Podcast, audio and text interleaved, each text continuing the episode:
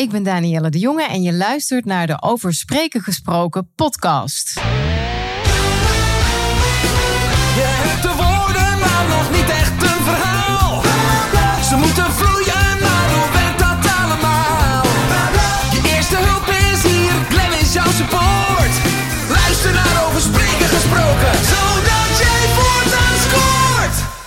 Hallo lieve luisteraar, wat fijn dat je luistert naar een nieuwe aflevering van de Over Spreken Gesproken podcast. Ik ben Glenn en samen maken we korte metten met plankenkoorts, zodat we spreken met meer impact. En in deze aflevering interview ik Danielle de Jonge. Danielle studeerde bedrijfseconomie, werkte daarna jaren als consultant in werving en selectie, maar ging al snel aan de slag als sales trainer. Haar why is als expert in eigentijdse klantenrelaties help ik professionals en ondernemers om zakelijk onweerstaanbaar en trekkelijk te zijn. En daar gaan we het dus ook over hebben. Hoe ben je onweerstaanbaar? Inmiddels is Danielle een van de bekendste sales trainers in Nederland. Schrijver en auteur van boeken zoals Extreem klantgericht, Human to Human en Verleid de klant. En ook host van de BNR Klantenpodcast gaan we dus aan de slag. Hoe, hoe, communiceren we met die klant? Hoe zorgen we ervoor dat we klanten vinden? Hoe zorgen we dan dat we die klanten houden? En misschien ook wel, hoe zorgen we dan voor dat we die klanten een onweerstaanbare, aantrekkelijke klantbeleving geven? Klant of luisteraar, dit en nog veel meer. Ik wens je heel veel luisterplezier toe. Danielle, welkom in de podcast. Ja, dankjewel. Heel leuk om hier te zijn. Een keer als gast in de podcast. Ja, is dat, is Ja. Dat, hoe is dat om weer aan de andere kant van de tafel te zitten? Ja, leuk. Dan weet ik ook weer wat ik mijn gasten aandoe, om maar even zo te zeggen. Ja.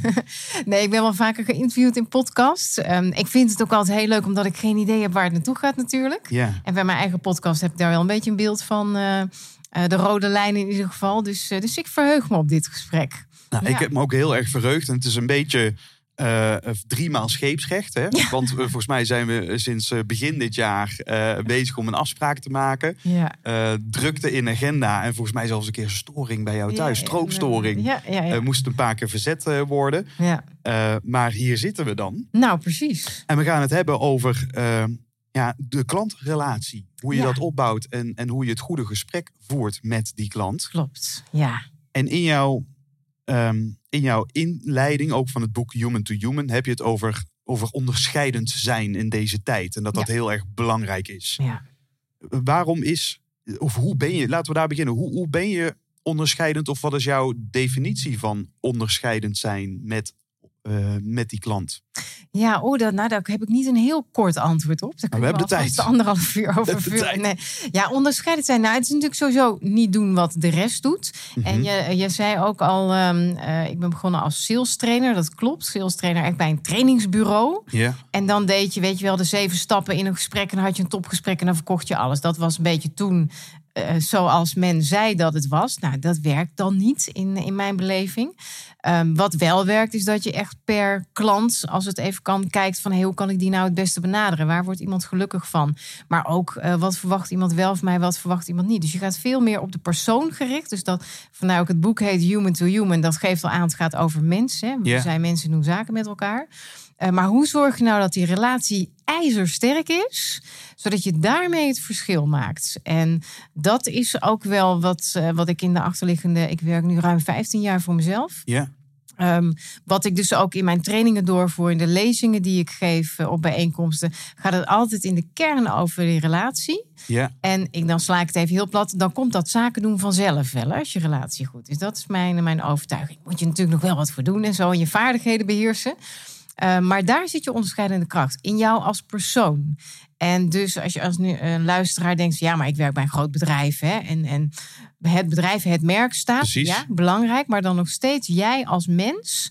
bent de enige die echt heel onderscheidend uh, kunt zijn. Naast alles wat je bedrijf dan. Uh, Dus dit maakt ook al dat op de kaft van jouw boek een streep staat tussen Ja. B2B, business to business of B2C, business to consumer. Je zegt eigenlijk al alle verkoop begint H to H, H to H, human Ja. to human. Ja, dat vind ik. Ja. Ja. En dat zie je ook wel, want dat merk je wel. Want van sales trainer ben ik dan zo langzaam niet meer sales trainer. Tenminste, zo noem ik het eh, niet. Ehm, maar je ziet ook wel dat dat is waar mijn klanten op triggeren. Van, ja, we willen niet alleen maar hè, de verkooppraatjes. Ik noem dat maar even zo tussen aanhalingstekens. Maar we willen juist die langdurige klantrelatie. En kijken of we ambassadeurs van klanten kunnen maken. Ja, en dan heb je dat H2H, de human to human, wel nodig. Ja. En Ja. Hoe, hoe, als het dus geen sales trainer is, hoe, hoe Ja. noem jij jezelf dan Ja. op dit moment? Nou, het- ik, meestal word ik voorgesteld inderdaad als spreker of keynote spreker of dan trainer. Maar het woord sales is er af. Dat komt ook wel deels, denk ik, door de, de markt waarin ik me begeef. Eh, veel zakelijke dienstverleners waar ik eh, voor werk. Die, nou ja, dan krijg ik zeg maar al jeuk van het woord sales, wat ik ook snap. En ik geloof ook heilig in dat de verkooppraatjes niet meer bestaan. Of in ieder geval, ze zouden niet meer moeten bestaan. Ze werken niet meer. En dat linkt voor mij aan sales. Sales, Hmm. dat zijn de verkooppraatjes. Het is natuurlijk niet helemaal, helemaal eerlijk om dat zo te stellen. Dus ik heb het dan liever over commerciële slagkracht. Of gewoon verkopen. Of nou.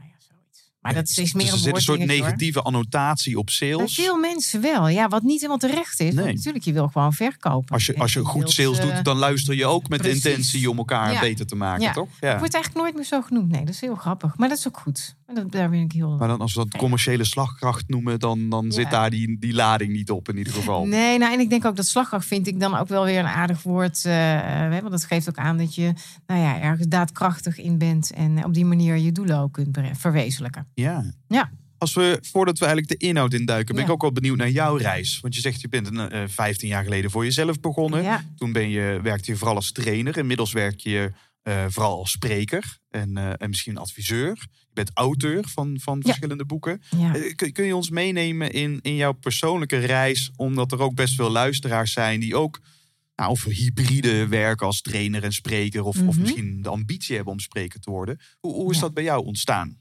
Ja, bij mij, nou, ik, ik- even vanaf, jij noemde mijn eh, studie bedrijfseconomie. Dat zijn natuurlijk de cijfertjes, om het maar even zo Ja. te zeggen. Die heb ik eh, netjes gedaan, maar tijdens de studie dacht ik al van, hm, dit gaat hem toch niet worden. Hmm. Eh, ben ik in het commerciële werkveld terechtgekomen.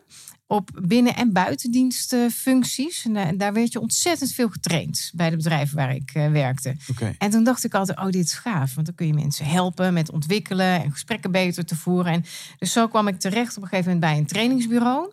Eh, met dus de sales trainingen, om maar even zo te zeggen. Natuurlijk echt En de ouderwetse klassieke klassieke sales zeven stappen naar eh, de Dat, funnel. Ja, en, precies. ja. De- daar moest je jezelf dan het eerste half jaar bewijzen op de binnendienst dat je open, open trainingen kon verkopen. En als je dat goed deed, kreeg je een trainersopleiding. Ik heb dat ehm, drie jaar volgehouden eh, om dus de sales trainingen te geven. En toen dacht ik, ja, maar dit kan anders. Dit kan beter, leuker en, en eh, met veel meer effect ook op lange termijn. Want je wil natuurlijk niet, dat zul je ook herkennen, dat je traint en dat mensen dan denken, nou, dat is hartstikke leuk. Hè? We hebben twee dagen of drie dagen training gehad. En een maand later bel je van, en, en hoe gaat het er allemaal mee? Ja, de waan van de dag. En, de, Ja, en dat dat- mensen er niks mee doen. Dat is eeuwig zonde. Dus ik dacht, nou, dat kan Dat anders. de pijnlijke constatering van de trainer Ja, inderdaad. Dat, leuk. Maar razendsnel zijn vanevelt. oplossingen voor. Nou ja, in ieder geval een aantal eh, oplossingen om dat wel te voorkomen, zoveel mogelijk. Ehm, dus toen dacht ik, eigenwijs als en ondernemend als ik ben, ik begin wel voor mezelf. Mhm. Eh, dat is dus ongeveer eh 15, nou, is misschien al wel 17 jaar geleden, realiseer ik me nu. Maar in ieder geval, dus zoiets, een, een aantal jaar geleden. Ehm, en in het begin was ik dus trainer, maar dan dus wel meteen gericht op dat menselijke. Oké. En dus ook gaan kijken van hoe zorg ik er nu voor dat de mensen die enthousiast zijn over de training, die daar nieuwe vaardigheden, inzichten en zo eh, zich hebben eigen gemaakt, dat ze dat ook gaan doen. Of dat ze zoveel mogelijk daarvan in de praktijk gaan toepassen. Ja. Dus dat heb ik verder uitontwikkeld. En ehm, ik ben in 2008 ben ik begonnen met bloggen. Dat was toen echt heel nieuw. dat je echt nog een blogje op een aparte website. Ja. Want ja, dat moest toch echt niet aan je eigen website hangen. Nou, het is hilarisch als je eraan terugdenkt. Ehm, en toen had ik het, eh, het schattig naïeve idee na een tijdje van... nou, als ik nou een heleboel blogjes samenvoeg, dan heb ik een boek. Ah ja. Ja, je- zo, zo begon dat. Zo denken mensen soms. Ja, Ja, ja. precies. ik heb boeken voor mijn neus gezien hoor, eh, Danielle. Die, Zeker, ja, precies dat. Ja, gezien. 50 Ja, ja, ja. blokjes bij elkaar. Ja. Ja, ehm, maar goed, dat met, met destijds ook met een co-auteur eh, gewerkt voor mijn eerste boek. Maar wel een uitgever kunnen overtuigen van, nou, dit is een, een, een manier van. En na mijn eerste boek, of rond mijn eerste boek, dacht ik, ja, je wordt gevraagd dan al snel voor presentaties te geven bij netwerkclubs, bij bedrijven intern, dat. Dus toen ben ik, en dat is dan nu een, eh, een jaar of tien geleden, ben ik echt wel het sprekersvak ook ingestapt. Dus ik Mhm. geef nog steeds workshops en trainingen. Eh, maar het is een beetje 50-50, misschien iets meer lezingen. Eh, dus presentaties op, nou ja, congressen, netwerkbijeenkomsten, teamdagen, noem het allemaal maar op. Ja. Eh, dus dat zijn de korte, hoog energie inspiratiemomenten. En workshops natuurlijk, ja, dan ga je veel meer ook echt aan gedragsverandering werken. Ja. Dus dat is mijn, mijn reis in het kort. En nou ja, in de, in de tussentijd nog twee boeken zelf geschreven. ja. Het is er niet eh, bij één boek gebleven. Maar ik hoorde je dus wel de route vergelijkbaar met andere sprekers ook. Het begint gewoon met zelf, zelf content creëren Ja. en, en dat gaan Ja. delen. Ja. Dan onderscheid je al van de massa, zou je kunnen zeggen. Want de meeste zeker. mensen, en daar is niks mis mee, maar die zijn heel erg goed in gewoon het beoefenen van het vak. mhm. Maar die, doen, die houden het daar een beetje bij. Die putten dan uit de informatie die, gewoon, die ze zelf opdoen door de tijd heen. Ja. Eh, maar op het moment dat je dus zelf tot content komt... en dat wordt ook nog eens mooi samengepakt door een boek... dan komen mensen dus automatisch naar je toe om te vragen van... joh, kun je, Ja. kun je hier eens een presentatie over geven? Precies, als het gedachtegoed ze aanspreekt, dan, dan, ja, dan merk je wel dat er komen reacties op. Mhm. Ja, Hey, en, en, en dat doe je dus met veel plezier. Ja, want, eh, want het bleef, bleef niet bij één boek. nee. Eh, wat, wat, als jij dus kijkt, we hebben het er al een beetje over, hè, dus de, de menselijke kant. Wat maakt dat die menselijke kant minder vertegenwoordigd is in, in die acquisitie saleshoek dan dat jij zou willen? Dus wat is de, wat is de denkfout of misschien de belemmerende overtuiging die, die veel Ja. mensen in, in die hoek hebben? Nou, ik denk dat dat toch wel te maken heeft met, we hebben omzet nodig. Hè? Of we willen omzet maken, wat heel logisch is, want dat wil je als bedrijf. Ja, Uh, maar de manier waarop je dat kunt realiseren is te vaak uh, transactiegericht. Dus te veel gericht op, nou, ik wil de klant, hè, eh, en, hè, we ko- komen iets overeen, handtekening, factuur, we leveren diensten, producten, et cetera. Ehm, en te weinig op relatie. En ehm, wat ik wel zie ook vaak is dat er de beleving er is. Ja, maar dat kost hartstikke veel tijd, die relaties onderhouden. Want natuurlijk tijdens een, een transactieproces, om maar even zo eh, te noemen, heb je contact met je klanten. Je levert iets of je, je doet nou, je, je dienstverlening. En dat stopt op enig moment. Hè? Dan, dan heb je dat eh, afgerond.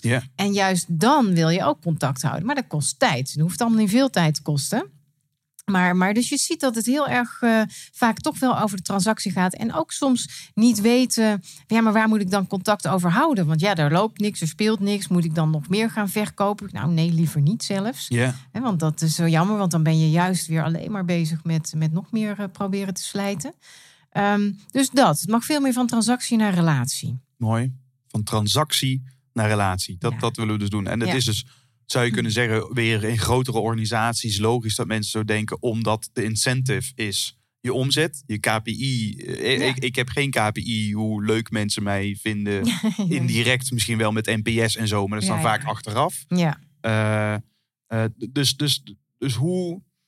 Terwijl als ik, eh, dus ik zit toch een beetje te, te na te denken, als ik accountmanager spreek, dan is iedereen het over eens dat, dat, dat, dat verkoop een emotioneel proces is. Ja. En dat omwille ja, dat emotionele proces te voeden, is er vertrouwen nodig. En als je vertrouwen wilt hebben, dan zul je een relatie moeten opbouwen. Ja. Want je kan vertrouwen niet afkopen met een aardigheidje. nee. Dat, dat, dat kost stapjes, kleine, kleine contactmomenten. Ja, klopt. Eh, wat, wat zijn nog meer? Dus ik, ik, ik zoek dan naar hey, wat, wat, wat weerhoudt mensen eigenlijk hè? Om, om, om, om dit go- automatisch goed te doen, zeg maar. Nou, wat denk ik ook wel, eh, maar, maar dan, dan, eh, ik klink een beetje als de oude vrouw van vroeger. vroeger had je, waar, waar we op trainden, noem ik eventjes, ik generaliseer nu enorm. Dat was dan zeg maar die verkooppraatje, of je USP's. Als je in een gesprek zit met een klant, ga je vertellen van, nou, wij kunnen dit goed, we kunnen dat goed, je unique selling point. Die ging je vertellen. En dat heb ik wel zien veranderen in mijn eh trainerscarrière. dat op een gegeven moment weten klanten dat wel. Want die zien dat op jouw website. Of die horen dat via via. Klanten zijn natuurlijk ook streetwise tegenwoordig. Ja. Dus die zoeken dat zelf eh, al, al grotendeels uit. Dus dat hoef je niet meer te vertellen in een gesprek. Soms komt het ter sprake, maar in principe heb je het daar niet meer over. Waar je veel meer op richt. En dat heb ik ook in mijn boek eh, zo omschreven. Dat zijn de UBR's, de Unique Buying Reasons. Mhm. Wat is nou voor jouw beste klant reden om überhaupt met mij zaken te willen doen? Ja. En waarom ga je voor mij kiezen en niet voor mijn conculega die ook iets heel goeds levert? Wat dat dan ook is. Want in- bijna niemand is uniek natuurlijk Nee. in die zin. Dat je hebt altijd wel vergelijkbare partijen die ook hetzelfde aanbod eh, hebben. Ehm, en dat vraagt wel een andere insteek van je gesprek. Dus je gaat het niet meer hebben over die USP's, maar over die UBR's. En ehm, wat, wat je dus merkt, zeker mensen die al wat langer ook in het vak zitten, of die dat intern krijgen opgeleid of zoiets dergelijks, die zitten nog steeds op dat stuk. Ja, we moeten vertellen wat we allemaal kunnen en op de, meteen op de oplossing. En, en veel minder daardoor aandacht hebben voor de relatie. Ik geef als richtlijn wel eens aan, aan deelnemers mee. Van nou, heb het nou voor eh 60% over inhoud. Over hoeveel stuks, over nou, wat is het probleem, et cetera. Vraag dat uit. En 40% ga je het hebben over die samenwerkingsrelatie. Die mogelijk gaat ontstaan. Of die je al hebt bij een bestaande klant. Ehm, en dat gaat dan dus over de relatiegerichte vragen. Ala, wat verwacht je wel en niet? Hoe kan ik jou nou blij maken? Wanneer overtref ik je verwachtingen? Ja. Ehm er zijn allerlei vragen die je dan eh, kunt stellen. Dus wat ik wel mooi vind hier is dat je dat letterlijk ter sprake kunt brengen in dat gesprek. Graag zelf. En dus dus Ja. vaak is dat misschien een proces die, die iemand dan eh, buiten het daadwerkelijke klantencontact helemaal gaat voorkoken. Mhm. Maar je zegt van joh, je kan het ook gewoon direct in een gesprek los van het product. Maar vragen, hey klant, stel je nou eens voor, wij gaan zaken doen. Ja. Eh, hoe zouden we dat op een fantastische manier kunnen doen? Ja, en dat is wel, want dat neem ik altijd met deelnemers ook door. Ik heb zo'n twee A4'tjes vol met relatiegerichte vragen, zoals ik ze dan heb genoemd. Ja. Daar zitten vragen tussen waarvan mensen denken, echt, die ga ik nooit stellen. Of, oh, die vind ik heel tof. En sommige stel je natuurlijk ook al. Het is niet helemaal eh, gloednieuw voor de meeste mensen. Ehm, maar dat zijn dus dat soort vragen. Aan een nieuwe klant durven vragen. Van, nou, wat jij al zegt, hè, stel nou dat wij zaken gaan doen. Ehm, of hoe groot schat je de kans op een schaal van 1 tot 10 dat wij zaken gaan doen? Hmm. Eh, En dat soort vragen. Wat moet ik ervoor doen om dat een 8 of een 9 of een 10 te maken? En wat er gebeurt, want het zijn bijna allemaal de open vragen. Hè? We kennen het wel, opengesloten vragen. ehm, is dat het over het algemeen vragen zijn die iemand niet verwacht. Oké. Dus dan zie je ook al even zo'n... Hm? Zo'n zo'n van, hé, hey, oh, wacht even, daar moet ik over nadenken. Er zou zomaar een stilte kunnen vallen eventjes. Want iemand moet even nadenken. Helemaal goed. Maar er komt altijd iets. Want de klant weet heel goed wat hij wel of niet van jou verwacht. Of waar hij uiteindelijk heel erg blij mee is. Wat, hè, wat het oplevert voor eh, diegene ook persoonlijk. eh, als jullie een succesvolle relatie hebben. Ehm, dus het erom vragen, ja, dat is het leukste. Maar dat is ook heel spannend. Ja. Want dat zijn we niet gewend over het algemeen. En we willen wel op de relatie richten door te verdiepen in eh, wat vindt iemand eh, leuk aan zijn werk. Op een gegeven moment, als je iemand wat beter kent, heb je het misschien wel over hobby's of over andere interesses. Nou, dat, dat is ook natuurlijk verdiepen in je klant. Eh, maar ook, wat, hoe gaan wij nou geweldige samenwerking hebben?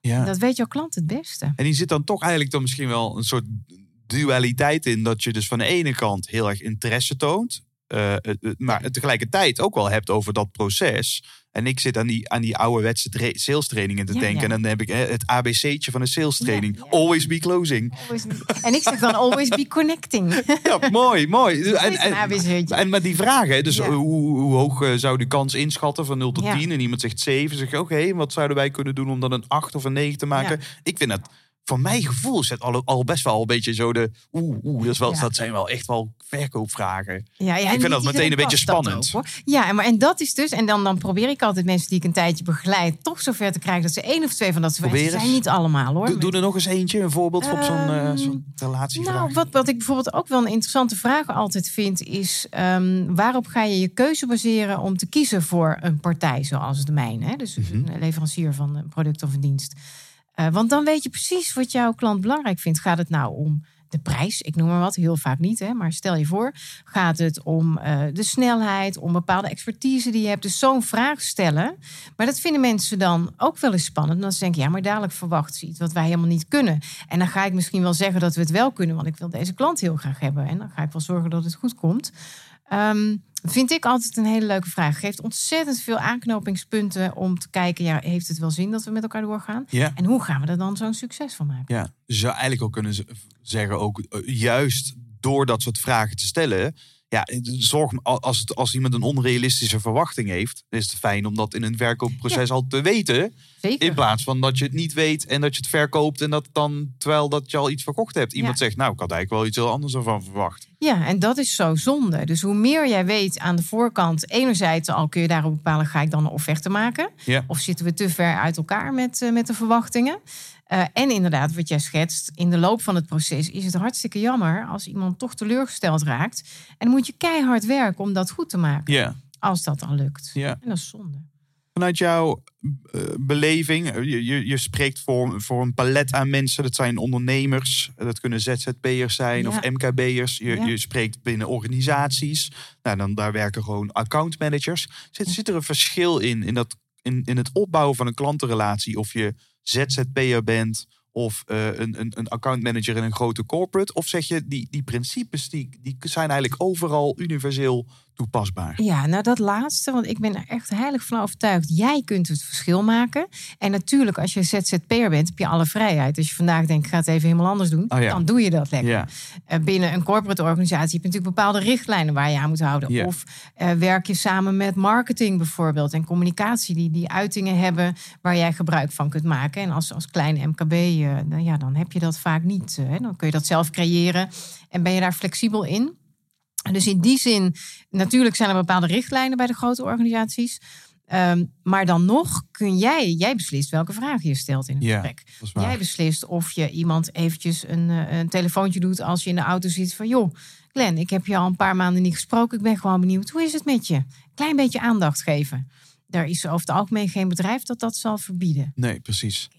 En de mensen die jouw boeken lezen, als Human to Human Mhm. als, of extreem klantgericht, eh, eh, voel- proef je daar, daarin een, een specifieke doelgroep die, die jij aantrekt? Of, of komt dat ook van heel heide en ver? Nou, het is wel heel divers. Zeker voor de lezing is het echt heel divers. Dat zit toch wel, om het dan maar wel te zeggen, in de B2B en de B2C business.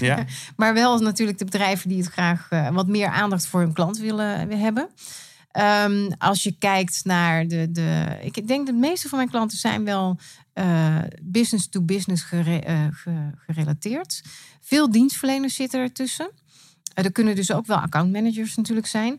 En wat ik heel leuk vind, dat zijn de mensen die ehm, goed zijn in hun vak. En daarnaast commerciële verantwoordelijkheid hebben. En die triggeren dus ook heel erg op dat relationele. Want dat zijn mensen die willen niet het gevoel hebben dat ze moeten verkopen. Nee. Wat ze wel doen, maar dan, dan, hè, dat is dan een, een andere manier die ze toepassen. Is heel goed in hun vak. Denk aan advocaten, aan ingenieurs, aan eh, eh, accountants. Dat soort eh, mensen die dus hun werk fantastisch doen. Maar ja, daarnaast hebben ze natuurlijk ook werk nodig. En heel vaak hebben ze die, die verantwoordelijkheid zelf om daar ook een praktijk omheen te bouwen. Ja, ja. Ehm, dus, en dan merk je wel dat ook die mensen vinden dit heel eh, fijn. Want die zien ineens, oh maar wacht even, als ik dus dat contact goed opbouw... en zorg dat ik die aandacht geef... ook al kost me dat misschien wel een declarabel uur per week of twee uur... Ja. Hè, maar dan, dan haal ik daar wel ontzettend veel winst uit uiteindelijk voor mijn, eh, mijn business. En heb Ja. ik hele leuke relaties. Mooi. Ik, ik, ik, ik, zit, ik zit te denken, ik heb meteen honderd vragen. En ik, Ja, ik heb, ik we heb, hebben nog even. We hebben nog even gelukkig. We hebben, je hebt een structuur opgebouwd in jouw boek Human to Human, die we dadelijk ook gaan gebruiken, die we kunnen laden. Het zijn drie pijlers. Eh, eh, maar voordat we daar naartoe gaan, ben ik toch ook wel benieuwd. Eh, jij staat ineens op zo'n podium dan te spreken. Je je je hebt dan boeken geschreven. Ehm, hoe- is jouw leerreis geweest als, als spreker? Eh, hoe was dat voor jou om ineens op een podium te gaan staan, terwijl dat je dat wellicht helemaal niet gewend was? Nee, nee, een klein beetje gewend in de zin van wel voor groepen spreken, natuurlijk met trainingen, maar dat is toch wel echt Anders, hè? anders Ja. dan. En want dan heb je ook met iedereen contact, want een groep eh, deelnemers is over het algemeen eh 10, 15 mensen. Precies. Zoiets. Ehm, dus, dus dat was wel even wennen. Eh, nou, wennen meer goed over nadenken. Van, ja, hoe ga ik er nou voor zorgen? Dat ik denk, dat mijn eerste presentatie, daar waren iets van 200 mensen. Dat waren dan klanten van mijn klant. Die hadden een klantendag georganiseerd. Dus dan wil je nog meer eigenlijk je best doen. Want ja, die willen natuurlijk ook eh, eh, hun klanten een topdag geven. Ehm, dus het is, eh, toen heb ik heel erg teruggegrepen op wat ik weet van eh, wat je doet met presentaties. Was toen ook nog gewoon wel een beetje met een PowerPoint zonder al te veel tekst. Maar Ja. wel een klein beetje als een soort houvast. Overigens nog steeds wel PowerPoint soms. Maar dat zijn dan filmpjes en plaatjes. Dus dat, Ja. dat, eh, dat mag.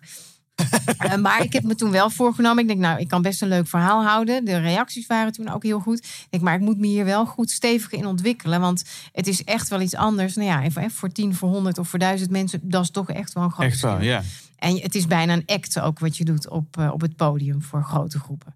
Ehm, dus ik heb, ehm, mag ik een beetje reclame maken. Remco Klaassen heeft natuurlijk verbaal meesterschap Ja. geschreven. Ja. Fantastisch boek voor iedereen ook die, eh, die wil spreken. Vriend van de podcast ook. ja, ja, maar Ja. er zitten echt er zitten zulke gave technieken in die je echt wel eigen kunt maken of, of kunt eigen kunt, kunt, hulp bij kunt vragen om dat eh, te doen. Eh, dat en ik ben gaan, gaan spieken bij collega's. Dus ik ben zelf, ik bezoek sowieso graag events. Maar naar events gaan om te kijken van... hé, hey, wat doen die sprekers? Wat spreekt me daarin aan of wat niet? Wat kan ik daarvan leren? En dan niet om het te kopiëren, want dat werkt natuurlijk niet. Maar wel om te kijken van... hé, hey, wat, wat doen zij zodat mensen aan hun lippen hangen? Ja, de snelste manier om je eigen stijl te ontwikkelen... Ja. is om heel veel dingen van andere mensen uit te proberen... en ineens ontstaat er een, een, een Danielle sausje, toch? Ja. En dan was het voordeel dat ik ook werd gevraagd voor lezingen. En dan vaak ook wel op evenementen met wat meerdere sprekers. precies. Ehm, en dat ik ook een aantal mensen in vertrouwen heb genomen, collega's sprekers. Ik zeg, joh, kom eens kijken bij mij.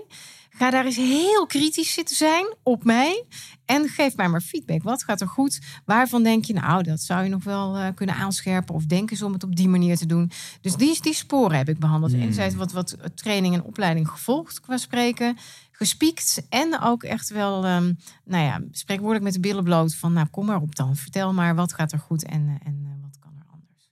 En fast forward zijn we nu een aantal jaren verder. Hoe- hoeveel lezingen doe je ongeveer per jaar? Ik denk een, eh, nou, een stuk of 50, 75. Precies. Zoiets. Nou, ja, wekelijks eh, ja voor, voor de gemiddeld. eh, ja, zeker. wat, wat zijn dingen die, jij, die je nu bent eh, heb je aangewend? Rituelen die je zegt, dat zou ik nooit meer anders doen. Dit is echt, dit is echt iets wat ik dus, die, wat me helpt. Dat zou inhoudelijk kunnen zijn een structuur, maar dat zou ook iets kunnen zijn wat je doet voor of na het spreken. Of Oh, zo, ja. dingen waarvan jij zegt, hey, dit helpt me echt om dit werk goed te doen.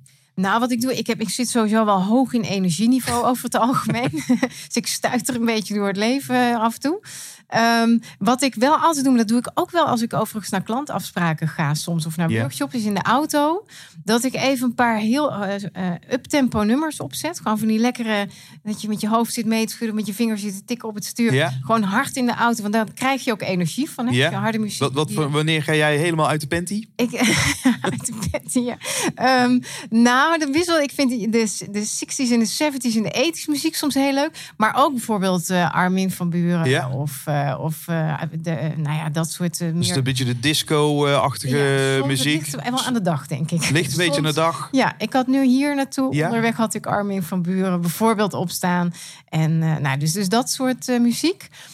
Maar dat helpt dus om hoog in die energie te komen. Want je wil ook niet met je hoofd nog bezig zijn van... oh, dat op me toe doen, als je dat... En dan kom je daar al binnen bij zo'n presentatielocatie... dat je denkt, ja, oh, ik heb ook nog zoveel andere dingen. Dat is Ja. ook zo. Maar daar wil je dan niet mee bezig zijn. Dus dat helpt mij.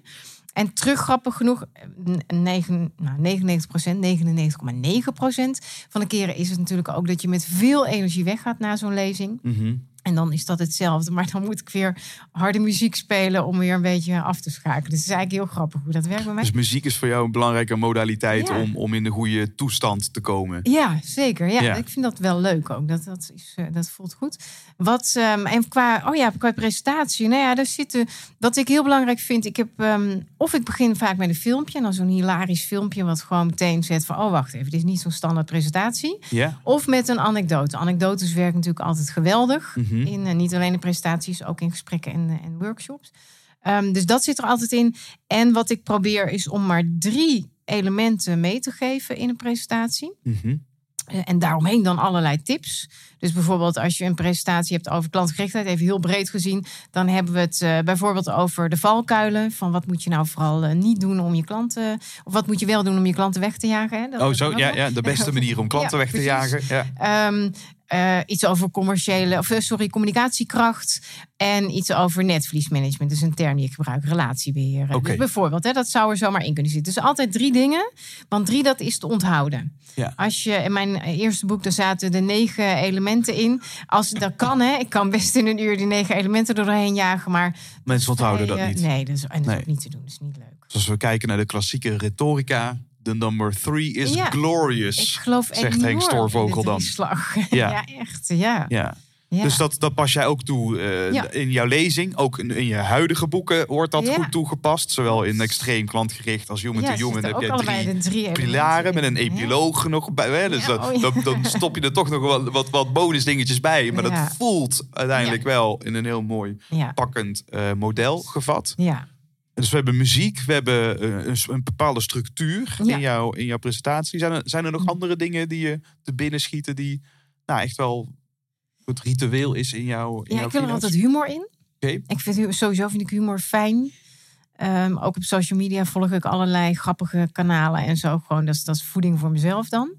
Ehm, en wat ik heel leuk vind, en dat kan ook met een groep van 700 man bij wijze van spreken, Mhm. is iets van interactie.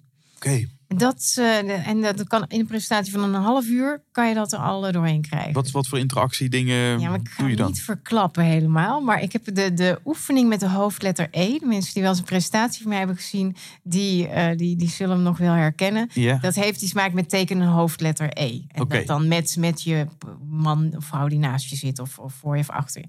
En dat geeft precies weer hoe denk jij over klantgerichtheid. Ah. Maar dat is een hele korte oefening. Hè? Dus dat is nou ja goed, met 700 man ben je even twee of drie minuten bezig. Maar Ja. langer hoeft het niet te zijn. Ja. Dus dat vind ik leuk. Of om even als ik iemand driftig zie schrijven of zie knikken, dat ik zeg, nou volgens mij herken jij dit. En dat je dan even zo'n kort moment hebt om, eh, om eh, nou ja, En, en wat voor effect merk je dan in de zaal? Want je zegt, ik vind het leuk. Als, Ja. als leuk de enige reden zou zijn, het zou geen effect hebben, zou je er waarschijnlijk mee stoppen. Ja, dus, dus wat klopt. creëert het in, in, in de zaal? Ehm, betrokkenheid, Mhm. herkenbaarheid, soms ook, of heel vaak ook. De, want ik geef natuurlijk ook de voorbeelden waar mensen zich eh, in herkennen en de tips. Ja. Eh, dus dat. Dus wat je, wat Ja. je wil is natuurlijk dat mensen niet alleen denken, nou was leuk, dat is fijn, hè? dat is hartstikke mooi, maar je wil ook dat ze er iets mee gaan doen. Ja. Al nemen ze maar twee, drie dingetjes mee, een paar tips.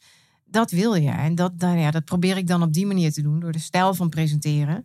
eh, door die opbouw. En door dus grapjes, weet je, interactie. En nou ja, mensen te betrekken. Letterlijk ook te betrekken. Ja, dus het is in ieder geval geen monoloog. Nee. Geen...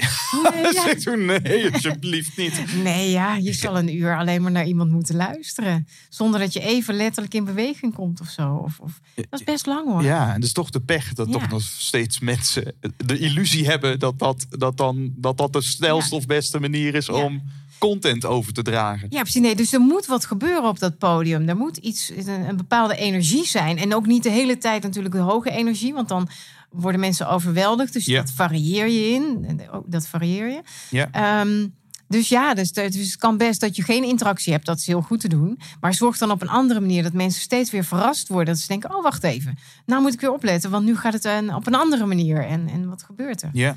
Ja. En, en wat doe je nu om... De boeken zijn een aantal jaar oud, allebei. Eh, daar spreek je toch? Ja. Je hebt, je hebt recentelijk nu, volgens mij, net, ik moet je feliciteren. Want er is een soort nieuwe update gekomen van Extreem Klantgericht, volgens nou, mij, of wordt niet? nog leuker. Dat klopt. In het voorjaar van 2022 is extreem klantgericht wat geüpdate. Ja, Ehm, nou is die inhoud, het is wel grappig, want het gaat over commerciële slagkracht. Daar is hij weer over klantgerichtheid en over maatschappelijke impact. Omdat steeds meer bedrijven ook kijken van ja, we willen ook nog iets goeds doen voor de wereld Mhm. eh, in deze zin. Ehm, dus die combinatie zit daarin. Dat is steeds relevanter geworden in de achterliggende jaren. Dus je merkt dat dat ook wel terugkomt in, eh, in eh, waar mensen het boek willen lezen. Eh, dus die is opgefrist, laat Mhm. ik het zo zeggen. Maar Human to Human, die is nog ietsjes ouder. Die is de eerste druk is verschenen in 2015. Maar dat loopt nog steeds als een tierenlier. Gewoon door het gedachtegoed wat erin zat, zat, zit. Ehm, dus mijn uitgever zei, joh, de druk is weer bijna op. We gaan een nieuwe maken. Ik zei, nou, hartstikke fijn. Maar dan wil ik hem graag updaten. Want dan, in, sommige dingen zijn dan toch wel eh, na zeven jaar een beetje verouderd. ja. Ehm, of er staan voorbeelden in van bedrijven die misschien niet meer bestaan. Of ik heb een leuke voorbeeld. Hè? Dat- dat-. Dus dat heb ik nu eh, recent dit voorjaar eh, herschreven. Oké. Ik denk dat, nou even op een gok, 40% echt wel nieuw is wat erin Wauw, staat. echt behoorlijk. Ehm, en die komt deze zomer of na de zomer komt die dus uit. Wat goed. Dus, dus dat is echt wel de geüpgrade. Of de, de gemoderne, nou gemoderniseerd klinkt net alsof het ouderwets was. Maar snap je dus de Ja, ja. herziene versie? Ja, precies. Het, nieuwe, nieuwe likje verf. Ja, en, Ja. En, en wat hartstikke tof. En, en dat, dat, nou ja, dat, dat, ik vind dat altijd een soort van. Soort, toch een soort weegschaal of, of iets een goed boek is. Is Ja. doorstaat de tand des tijds. Ja. Eh, nu kan iets heel erg gericht zijn op de actualiteit natuurlijk. Kan, maar zeker ja. als het gaat over bepaalde competenties, bepaalde skills. Nou, dan zou je kunnen zeggen dat, dat, dat daar, dat daar een, een tijdloosheid in moet zitten. Ja. Eh, dus het is mooi om te horen dat Human Ja. to Human een, een nieuw likje verf Ja, krijgt. En dan, eh. Ja. als mensen dit luisteren, dan zal het dus, kunnen ze het misschien al ergens bestellen of zo. Reserveren. Ja, ja, precies. Ja? Ja? ik denk dat die, maar dat moet ik even bij de uitgever. Maar in juli of zo komt die uit. Maar goed, na de zomer is hij er. Precies. Ja. Hartstikke fijn. De drie pilaren die, die zijn nog steeds hetzelfde gebleven. Dat wel. De drie pilaren in het boek Human to Human zijn klanten vinden, klanten hebben en klanten houden. Klopt. En mijn voorstel is dat we die, die drie pilaren eens, eens laden met elkaar. En eens kijken, wat, wat kunnen we doen en wat kan de luisteraar doen om ja, die drie stappen voor zichzelf te doorlopen. Of in ieder geval morgen al iets te kunnen doen om Ja. ergens in die drie facetten een, een stapje te zetten. Ja. Ja. Zullen we beginnen met klanten vinden dan? Ja, lijkt me goed.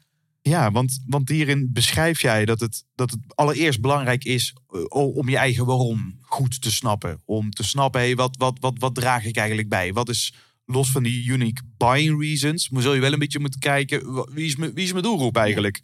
Welke, ja. Wat zijn mijn klanten? Wie wil ik vinden? En waarom? Ja. En waarom? Ja.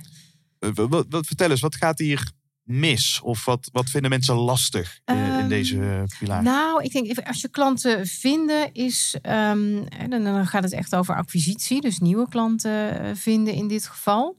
Eh, ja, het is fijn als je een doelgroep hebt of een beperkt aantal doelgroepen en niet Mhm. wat je, dat zul je ook herkennen dat soms bedrijven zeggen, maar ik ben voor iedereen. Hartstikke leuk, maar dat is lastiger om dan eh, ook echt eh, duidelijk te zijn in de markt waar je voor staat. Ehm, wat, wat je als je het hebt over verdiepen in klanten. Ehm, wat, dan, dan kijkt iemand, hè, je hebt een afspraak met een potentiële klant, dan kijk je even op de website, je kijkt misschien ook nog wel op LinkedIn. En dan weet je het wel. Hè? Ik chargeer even. Terwijl verdiepen in jouw doelgroep, dat is veel meer dan dat. En hoe beter je dat voor elkaar hebt, hoe meer jij snapt van hé, hey, dit leeft bij mijn klant of binnen de sector of de regio of nou ja, wat, wat dan ook. eh, hoe meer herkenning jij kunt creëren in gesprekken. En verdiepen in je doelgroep, ehm, dat kan op een heleboel manieren. Je kunt natuurlijk eh, eh, de economische sectorrapporten lezen van banken als je je op een bepaalde sector richt. Je kunt eh, allerlei platforms volgen waar, waar dingen worden gedeeld, waar jouw klanten actief zijn, communities waar ze actief zijn. Ehm, maar wat ik zelf wel een paar handige tools vind.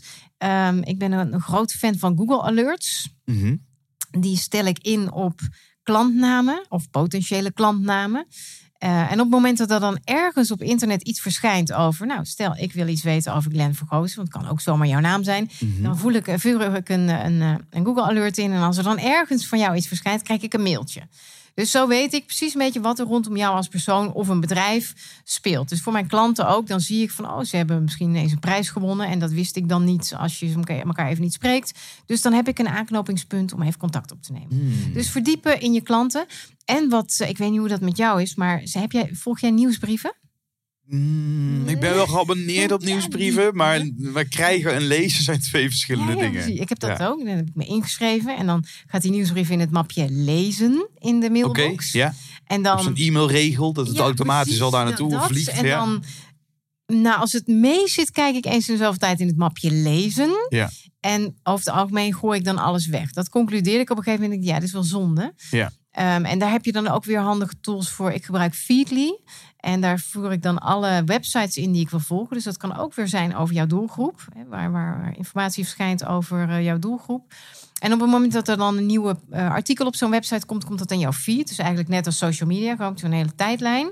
En daar scroll je dan heel snel doorheen. Denk je, nou, niet interessant, niet interessant. Oh, hey, wacht even, dat wil ik even lezen.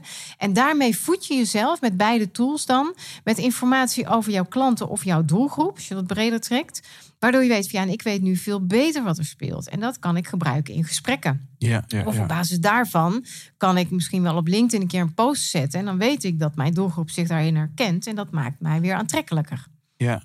Dus het, zijn Dus al he- een, paar hele mooie praktische tips ook. Ja. Wat ik er ook heel fijn vind. Eh, je zou dus, of je nou een nieuwe klant hebt en je wil daar gaandeweg meer over willen weten. Maar Mhm. ik, ik bedenk nu bij mezelf, joh, eh, de top vijf klanten waar ik voor werk. Ik heb niet zo'n Google Alert staan, maar ik kan me best voorstellen dat dat heel handig is. Dat ik Ja. die top vijf klanten tag eh, in Google Alert. En dan, Ja. eh, en dan automatisch weet, als er nou echt iets eh, belangrijks gebeurt, dan ben ik, dan ik- krijg, ik- is, krijg ik dat in ieder geval mee. Ja. Dan hoef ik, al, hoef ik al minder zelf te zoeken Ja. op het moment dat het nodig is. Ja, want dat is het idee erachter. Dat je natuurlijk ook tijd bespaart. Je kunt niet alles in de gaten houden. Nee, Dat moet je precies. ook niet willen. Nee. Dus dit helpt daarmee. En dus ook in je acquisitie. Hoe ga jij je nou echt verdiepen in je doelgroep? Lees de vakbladen. Vraag aan jouw klanten. Joh, wat lees jij? Welke websites volg jij? Welke bladen lees jij? En laat je op die manier voeden en inspireren. Van hey, wat is voor mij interessant om mijn klanten beter te leren kennen. Ja. Of mijn geliefde klanten. En wie is dan in jouw geval jouw doelgroep? Want waar we net al over hadden, die is best wel breed op zich, Ja. toch? Nou, dat is, dat is zo. In die zin, ehm, als je kijkt naar mijn workshops, dan is het dus in feite altijd business to business. Ehm, en dan de zakelijke dienstverleners. Dus nee, ik noemde ze al geloof ik de advocaat, de eh, ingenieursbureaus. Dus dat soort mensen die eh, niet echt als accountmanager alleen maar werkzaam zijn. Zij zijn er soms ook wel hoor. Eh, maar heel vaak dus die combinatie hebben van ik werk, ik heb mijn declarabele uren of mijn projecten of noem het maar op. Ja. Maar daarnaast moet ik ook mijn klantrelaties beheren en nieuwe klantrelaties opstarten. Oké. Zijn zogenaamde Ja. de kenniswerkers of zo. Ja, professionals. Ja. Niet retail dus. Nee, maar niet dat is dus- en dat hospitality ook, per ehm, se. Nou ja, ja en nee. Niet voor de, de workshops, meestal niet.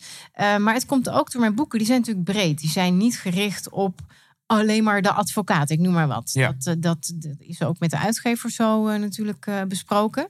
Ehm, eh, dus een verhaal, een hele toffe prestatie geven voor de retail. Of, of eh, hospitality, of wat je noemt. Hè, al dat soort. Ja. Ja, dat kan. Maar dat, dat zijn dan ook die lezingen. Dat is hetzelfde als ik voor een groep ondernemers eh, spreek. Ja, dan moet ik wel zorgen dat ik voor iedereen een beetje iets aansprekends erin heb zitten. Of het nou de bakker is of de lokale bankier. Ik noem maar wat. Dus daar moet wel wat in zitten.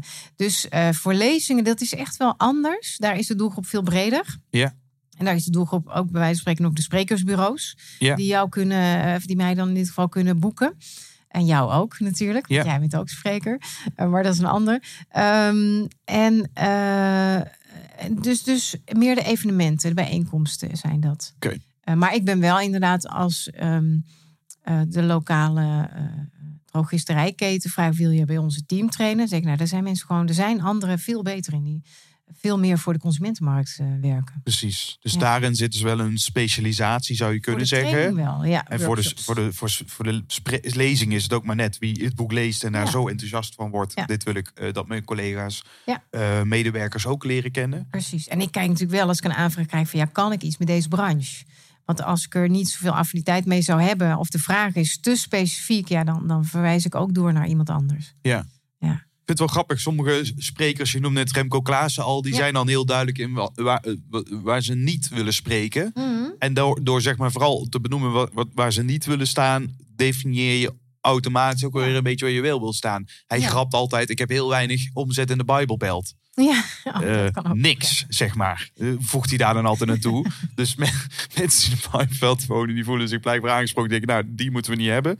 Met, met, met allerlei eh, grappen die tegen heilige huisjes aanschoppen. Maar Ja, de mensen die denken, nou, mag, mag bij mij best wel pittig zijn. Ja, die denken misschien daar automatisch door. Precies, oh, dat, dat, dat is er één voor bij ons. Precies, en dan val je ook voor zijn stijl, die natuurlijk. Ja, want dat is absoluut. denk ik de unique selling point van Remco Klaas. Is dat hij Ja. eh, content die je in heel veel Mm. andere boeken kunt, terecht eh, kunt zien, eh, verpakt op een Ja. manier wat voor een, een bepaalde doelgroep super aantrekkelijk is. Ja, Als, als ik dan naar mijn podcast kijk bijvoorbeeld, en dan is dan, als ik dan nadenk over mijn doelgroep, wat ook allemaal verschillende mensen zijn uit Ja. verschillende branches, zou ik dan kunnen zeggen, je moet naar mijn podcast luisteren als je wilt praten met resultaten.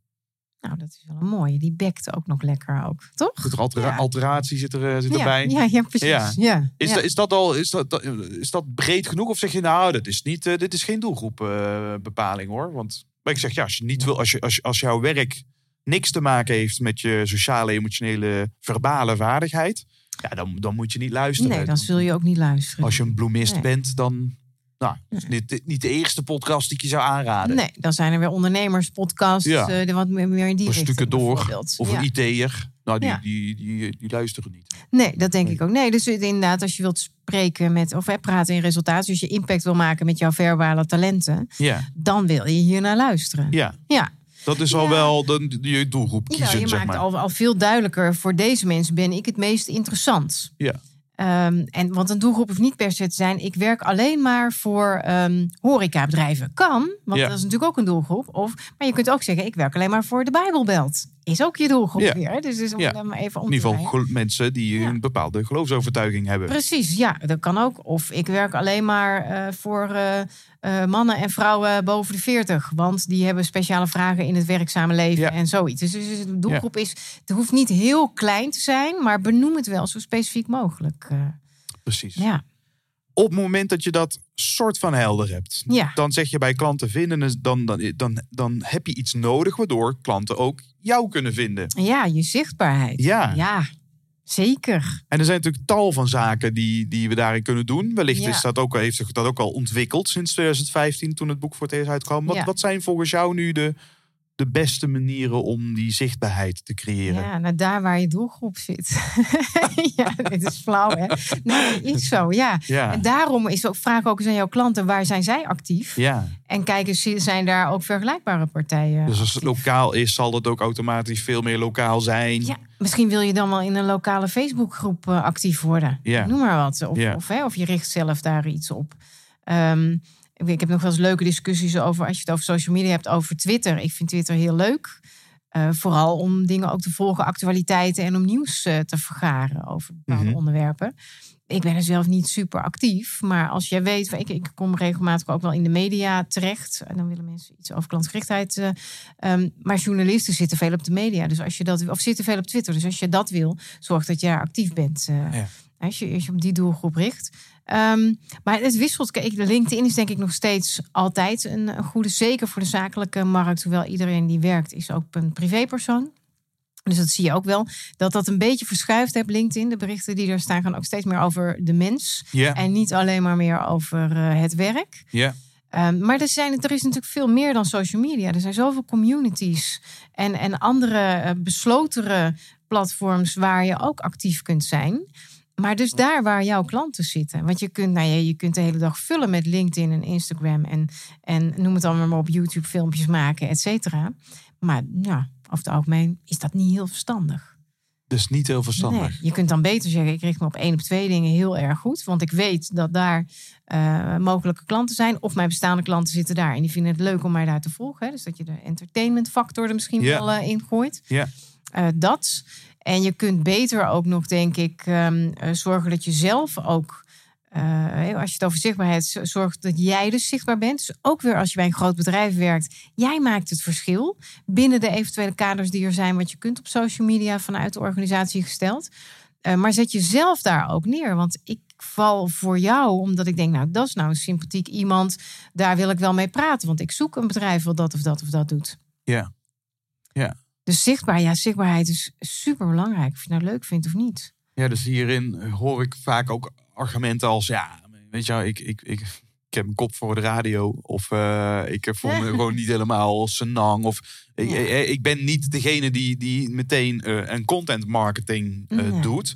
Eh, maar toch zeg jij op het moment... En volgens mij, je hebt Marjolein Bongers ook vaak in je LinkedIn... Of Ja, in, in eh, mijn LinkedIn podcast, Expert. ja. die zit vaak bij je klantenpodcast. Ja, Ehm, toch zijn jullie het dus met elkaar over eens op het moment dat je onderscheidend wilt zijn. Ook al werk je voor een groot merk, wat misschien al een hele marketingcampagnes heeft. ja. Als jij daarin onderscheidend wilt zijn, dan zul je moeten nadenken over hoe, hoe positioneer je jezelf dan? Hoe word je dan daadwerkelijk Ja. zichtbaar? bijvoorbeeld. Ja. Ehm, en ik zit dus nog te zoeken voor de mensen die, die geen podcast hebben. eh, of die, die geen eh, YouTube-video's maken. En die, wat- zijn misschien laagdrempelige dingen die, die, die ik gemakkelijk al zou kunnen doen. Wat toch een, een positief verschil zou kunnen Ja. maken. Nou, want, want content is natuurlijk, dat kan zijn dat je tips deelt of hè, blogs eh, maakt, dat, dat is een manier. Maar het is ook heel leuk om iets meer van jezelf te laten zien. Waar ben jij mee bezig? Stel je werkt bij een groot bedrijf en jullie eh, lanceren een nieuw product of jullie organiseren iets. Dan kun je dat erop zetten. Jee, we hebben een nieuw product. Kan, hè? dat, dat is ook goed. Maar je kunt ook jouw belevenis daaromheen eh, vertellen. Van, nou, we hebben een nieuw product en vandaag heb ik dat en dat en dat daarvoor gedaan. En dat vond ik heel leuk of, of vond ik lastig. Of, het is wat meer van jezelf te laten zien. Ehm, want dan word je ineens een mens, word je ineens heel human. En ben je niet alleen maar het, het eh, reclamekanaal voor jouw dienstverlening of jouw producten. Mensen zijn dus gewoon een beetje wars op het moment dat, daar, dat, dat je niks van jezelf Ja, inbrengt. Nee. Dat is wat ik je hoor zeggen. ja je hebt die, ehm, volgens mij is het van Puli- Puluzzi. Puluzzi, nou, ik weet het even, maar in ieder geval zo'n mooie Italiaanse naam. En die heeft de 4-1-1-regel voor social media geïntroduceerd. Dat vier posts gaan over inhoud, dus over content of oh, we organiseren, eh, zoiets. Eén gaat, mag best promotioneel zijn. Jee, we hebben een nieuw product. En één gaat over jouw persoon. Hmm. In jouw werkrelatie. Hè? Want je hoeft echt niet te zeggen, nou, ik heb weer een marathon gelopen. Wat wel soms ook heel erg gaaf werkt als je dat op een hele mooie manier uh, verwoordt. Verpakt. En Zeker. koppelt wellicht aan de producten die je Misschien doet. ook wel koppelt. Ja, precies. Ja.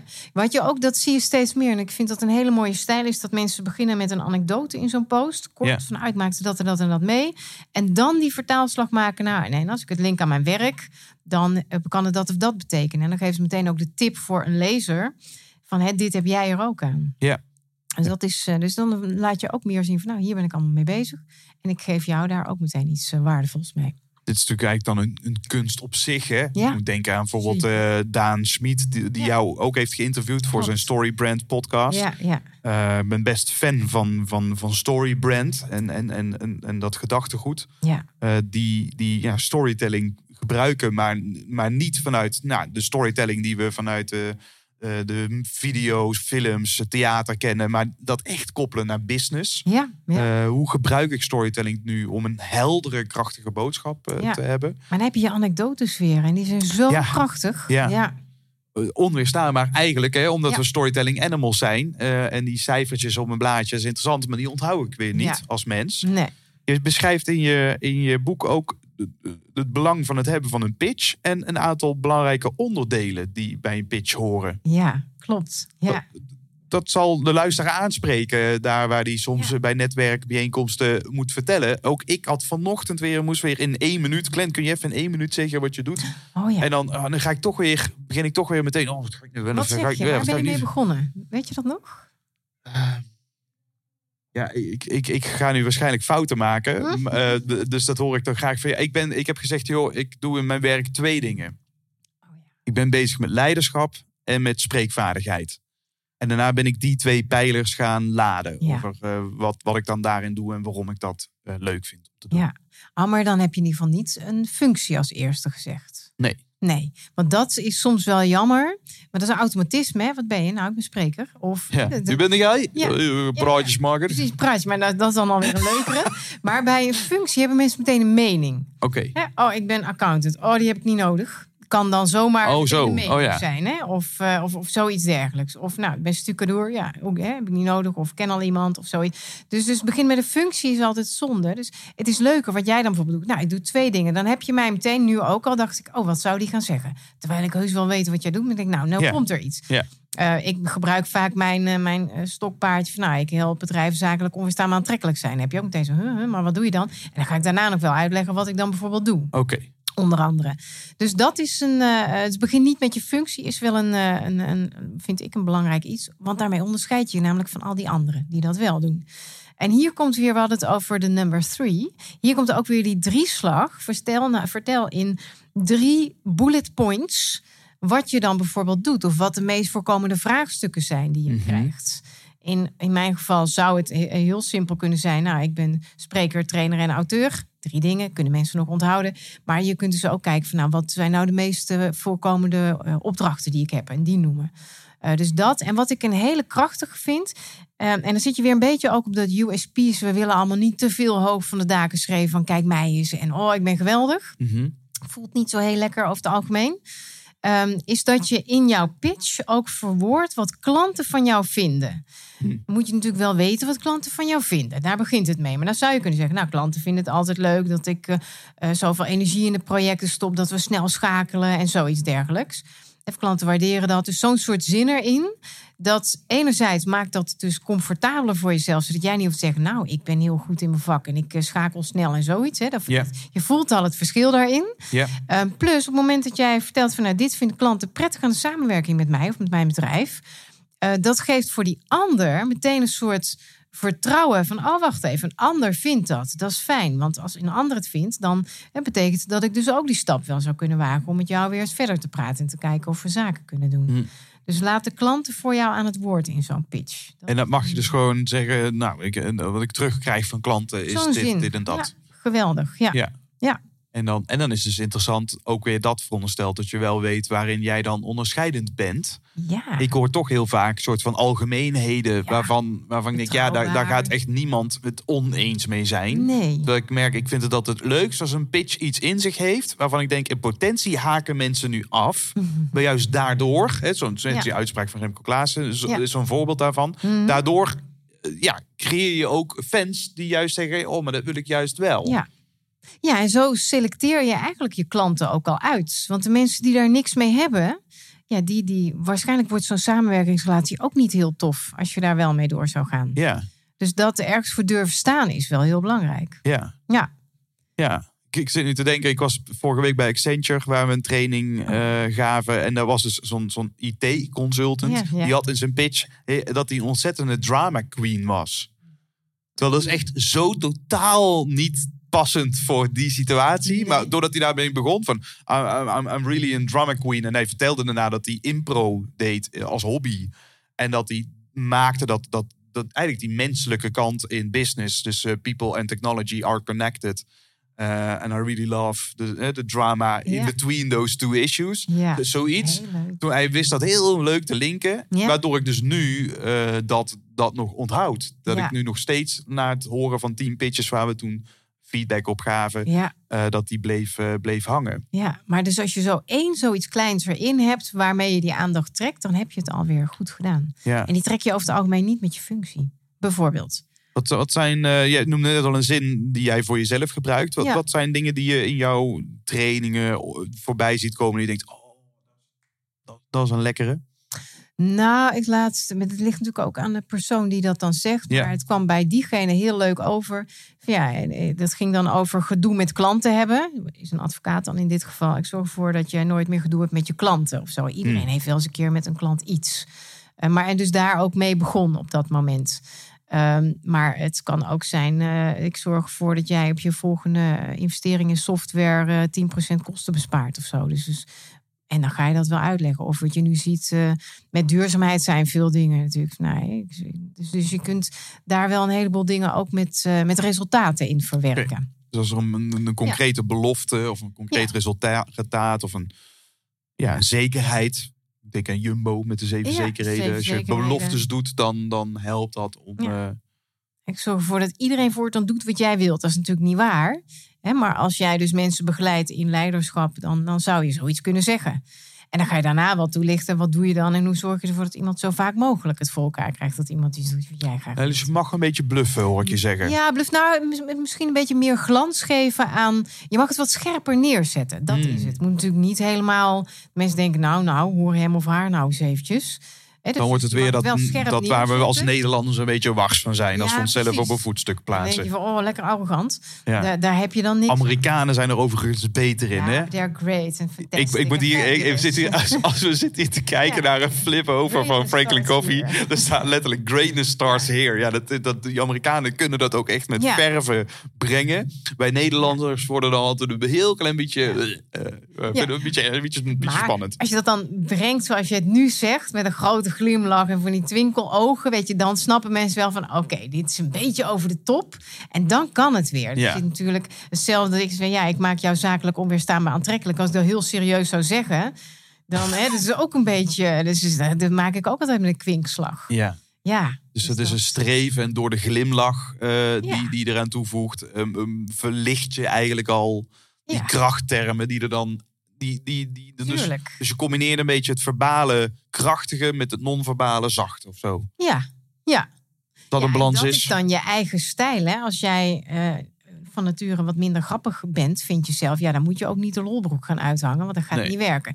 Maar pas iets wat, of kies iets wat bij jouw stijl past. Ja, En, en maar durf wel wat stelligers neer te zetten, want daar val je mee op. mooi. En dat wil je. En dat kun je ook weer op je LinkedIn-profiel doen. Als je het over zichtbaarheid hebt. Heb je natuurlijk altijd onder je naam staat dan eh, trainer bij Franklin Covey, bij wijze van spreken. Yep. Vrij saai. Daar kun je ook iets spannenders van maken Ja. als, als er zoiets zou staan. Ja. Zet daar dan neer. Greatness starts with me.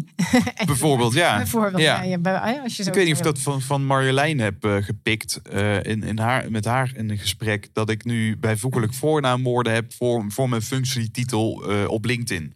Ja. Oh, dus dan is het niet trainer en spreker, maar dan is het nieuwsgierige trainer Ja. en speelse spreker. Ja, Wat gewoon toevoeging is van twee woorden, maar in ieder geval wel al veel meer lading geeft over wat ik in ieder geval belangrijk vind. Ja. Want nieuwsgierigheid en speelsheid zijn echt twee kernwaarden voor mij ja, persoonlijk. ja, precies. Ja. Ik, had, ik dacht, ik doe dat, want dat, ja, zij gaat dat aan als tip. Nou, kleine moeite, dus dat Ja. veranderen we. Het is echt bizar dat er gewoon, volgens mij één of twee keer mensen mij een persoonlijk berichtje hebben gestuurd. Van joh, we zijn op zoek naar een spreker. Maar het moet allemaal niet te formeel. En, niet, en we zien hier een speelse spreker. En ik werd, nieuw, eh, mijn nieuwsgierigheid werd getriggerd. Ik denk, hè? Hoe kan het nou dat dat, dat ene woordje dus blijkbaar Ja. eh, de aanleiding was voor iemand om gewoon een, een berichtje te sturen. Te vragen van joh, kunnen we een keer eh, bellen? Maar dat is omdat het dus onderscheidend is. Hoe onderscheid je jezelf? Nou, blijkbaar dus door twee woorden. In dit geval. Ja, zo, En dan is het ook weer wel leuk als je als iemand vraagt: eh, wat doe jij? Dat je zegt: Nou, ik ben een speelse spreker. Weet je, dan is hij weer wel. Dat je, want daar heeft iemand niet meteen een mening over. Over spreker wel. ja. Nou ja, events, he- helder. Zoiets. Maar speels, dan denk ik: Oh, vertel, hoezo dan? Wat gaan we doen? ja, precies. Zoiets. Ja, Leuk. Dus, dus Ja. luisteraar ding eens na over nou, deze facetten. Hè. Er zijn eh, meerdere praktische tips voorbij gekomen over, over de pitch. Eh, spoel even terug. eh, kruip met, pak de Pen en pen er eens even bij. Ja.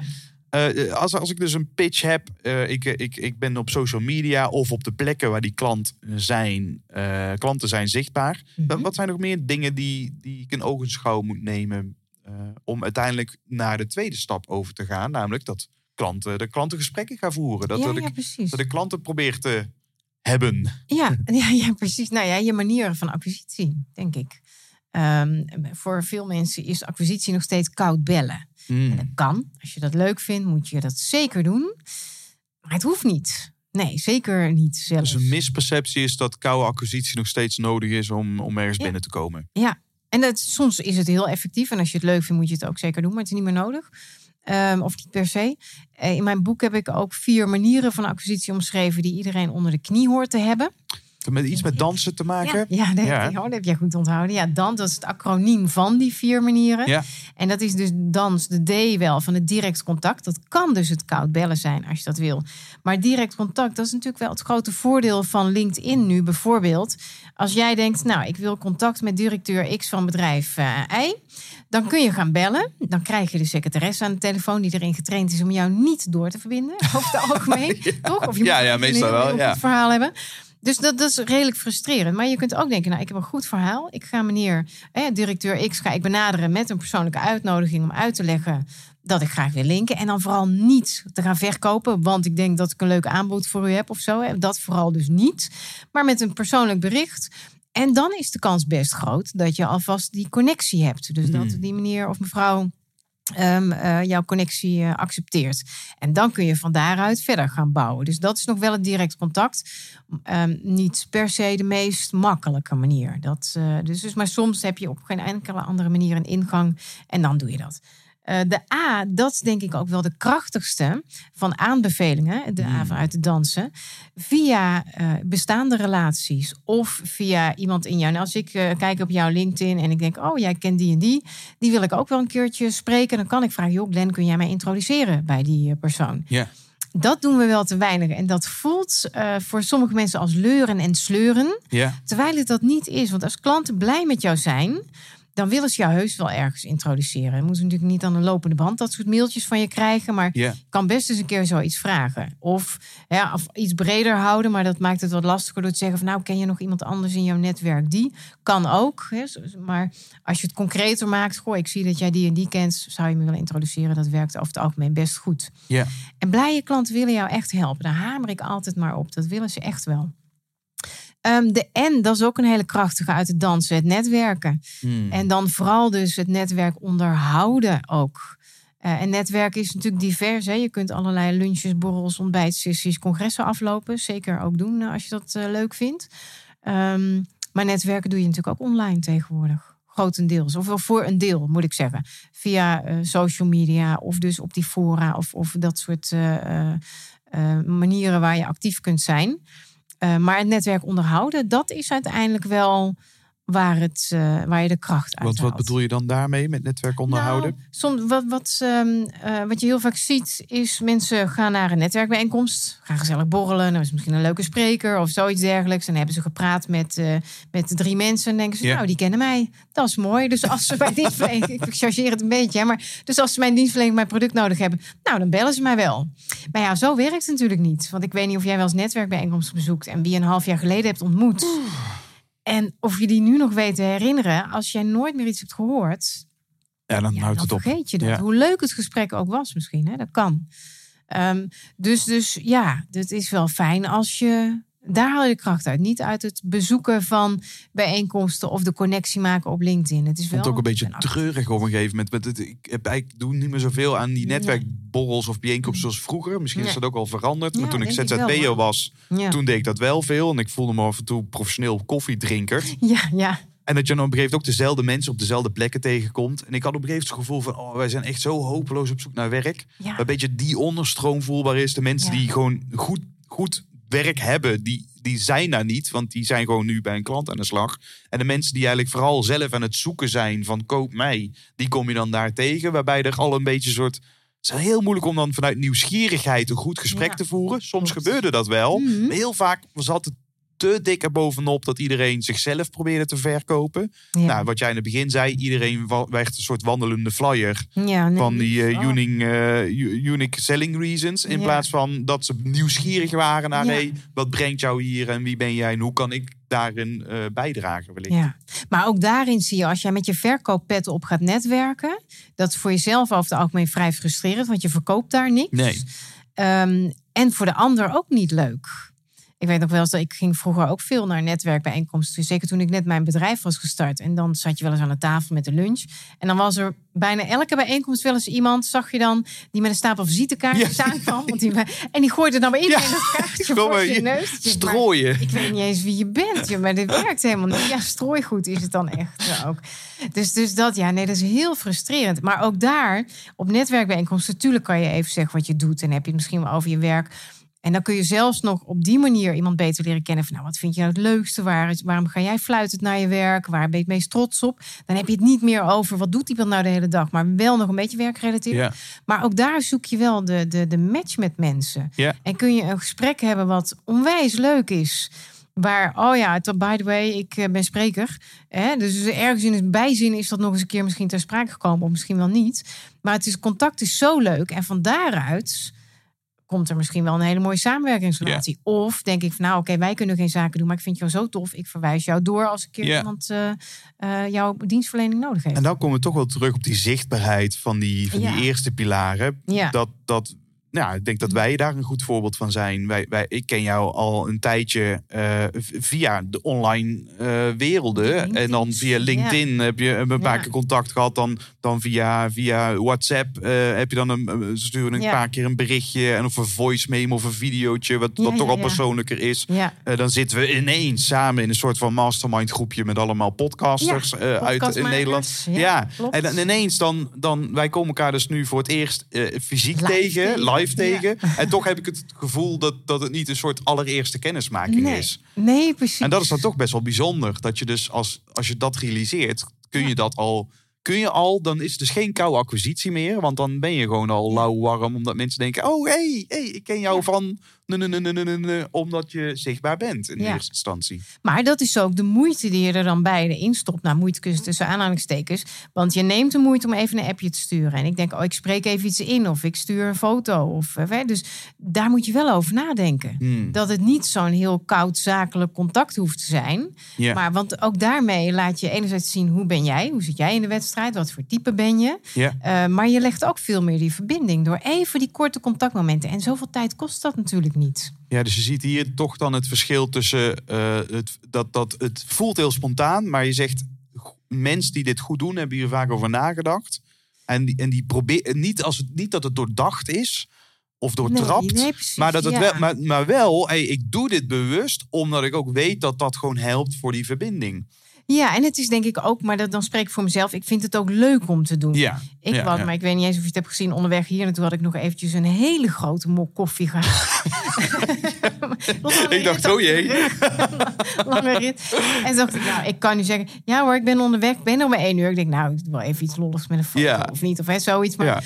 En dat is niet dat ik van tevoren, vanmorgen had bedacht... nou, als ik onderweg Dan? ben, dan haal ik koffie... dan maak ik een foto en dan ga ik die op WhatsApp zetten. Ja. Nee, dat, dat doe ik niet. Dat, maar dat komt dan ineens in me op. Maar ik denk, laat wel nog even iets horen van... joh, ik ben er. En want ik zag jouw appje van gisteren pas heel laat. Ik denk, ja, als ik nou terug app, dan maak ik hem misschien wel wakker. Dat wil ik niet op mijn geweten hebben.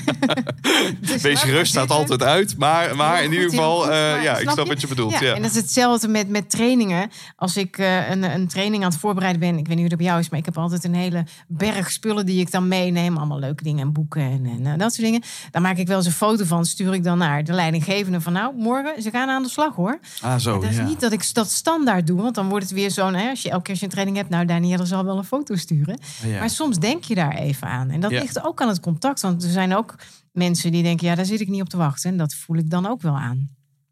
Maar het is dus het leuk vinden om iets te doen voor iemand anders. En of dat nou een kort appje is of inderdaad gesproken berichtjes, ben ik altijd wel fan van.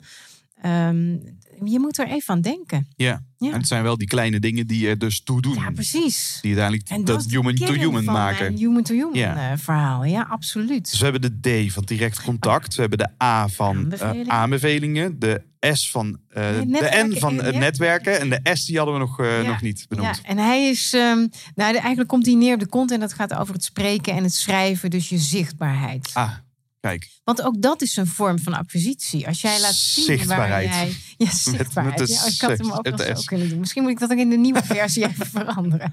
Zichtbaarheid. Ehm, ook dat is laten zien dat jij een, een, een gekwalificeerd iemand bent. Of dat de, de, het bedrijf waar je voor werkt eh, en de, de, de diensten of de producten die je levert, dat die goed zijn. Mhm. Ehm, ja, zichtbaarheid. Ja, dus, dus dat is ook een vorm van. Dat is natuurlijk de meest indirecte. Maar je kunt wel bedenken van nou, ik sprak laatst die en die op een netwerkbijeenkomst. En toen hebben we het gehad over dat. Oh, weet je, ik heb daar nog een blog van. Dus dat stuur ik. Of ik weet dat op onze site staat iets, dat stuur ik even door. Hoeft niet eens een blog van jezelf te zijn. Kan er van een collega zijn. Ja. Ehm, dus die, dat is ook wel, vind ik, een vorm van acquisitie geworden. En natuurlijk, het is ook wel marketing. Dus het is ondersteunend aan al die andere dingen. Ehm, maar ik denk als je het helemaal niet zou doen, dus niet werkt aan je zichtbaarheid en korte tips geeft, hoeven geen blogs te zijn van 600 woorden. Je kunt ook iets in een tip gieten en, en dat eh, delen.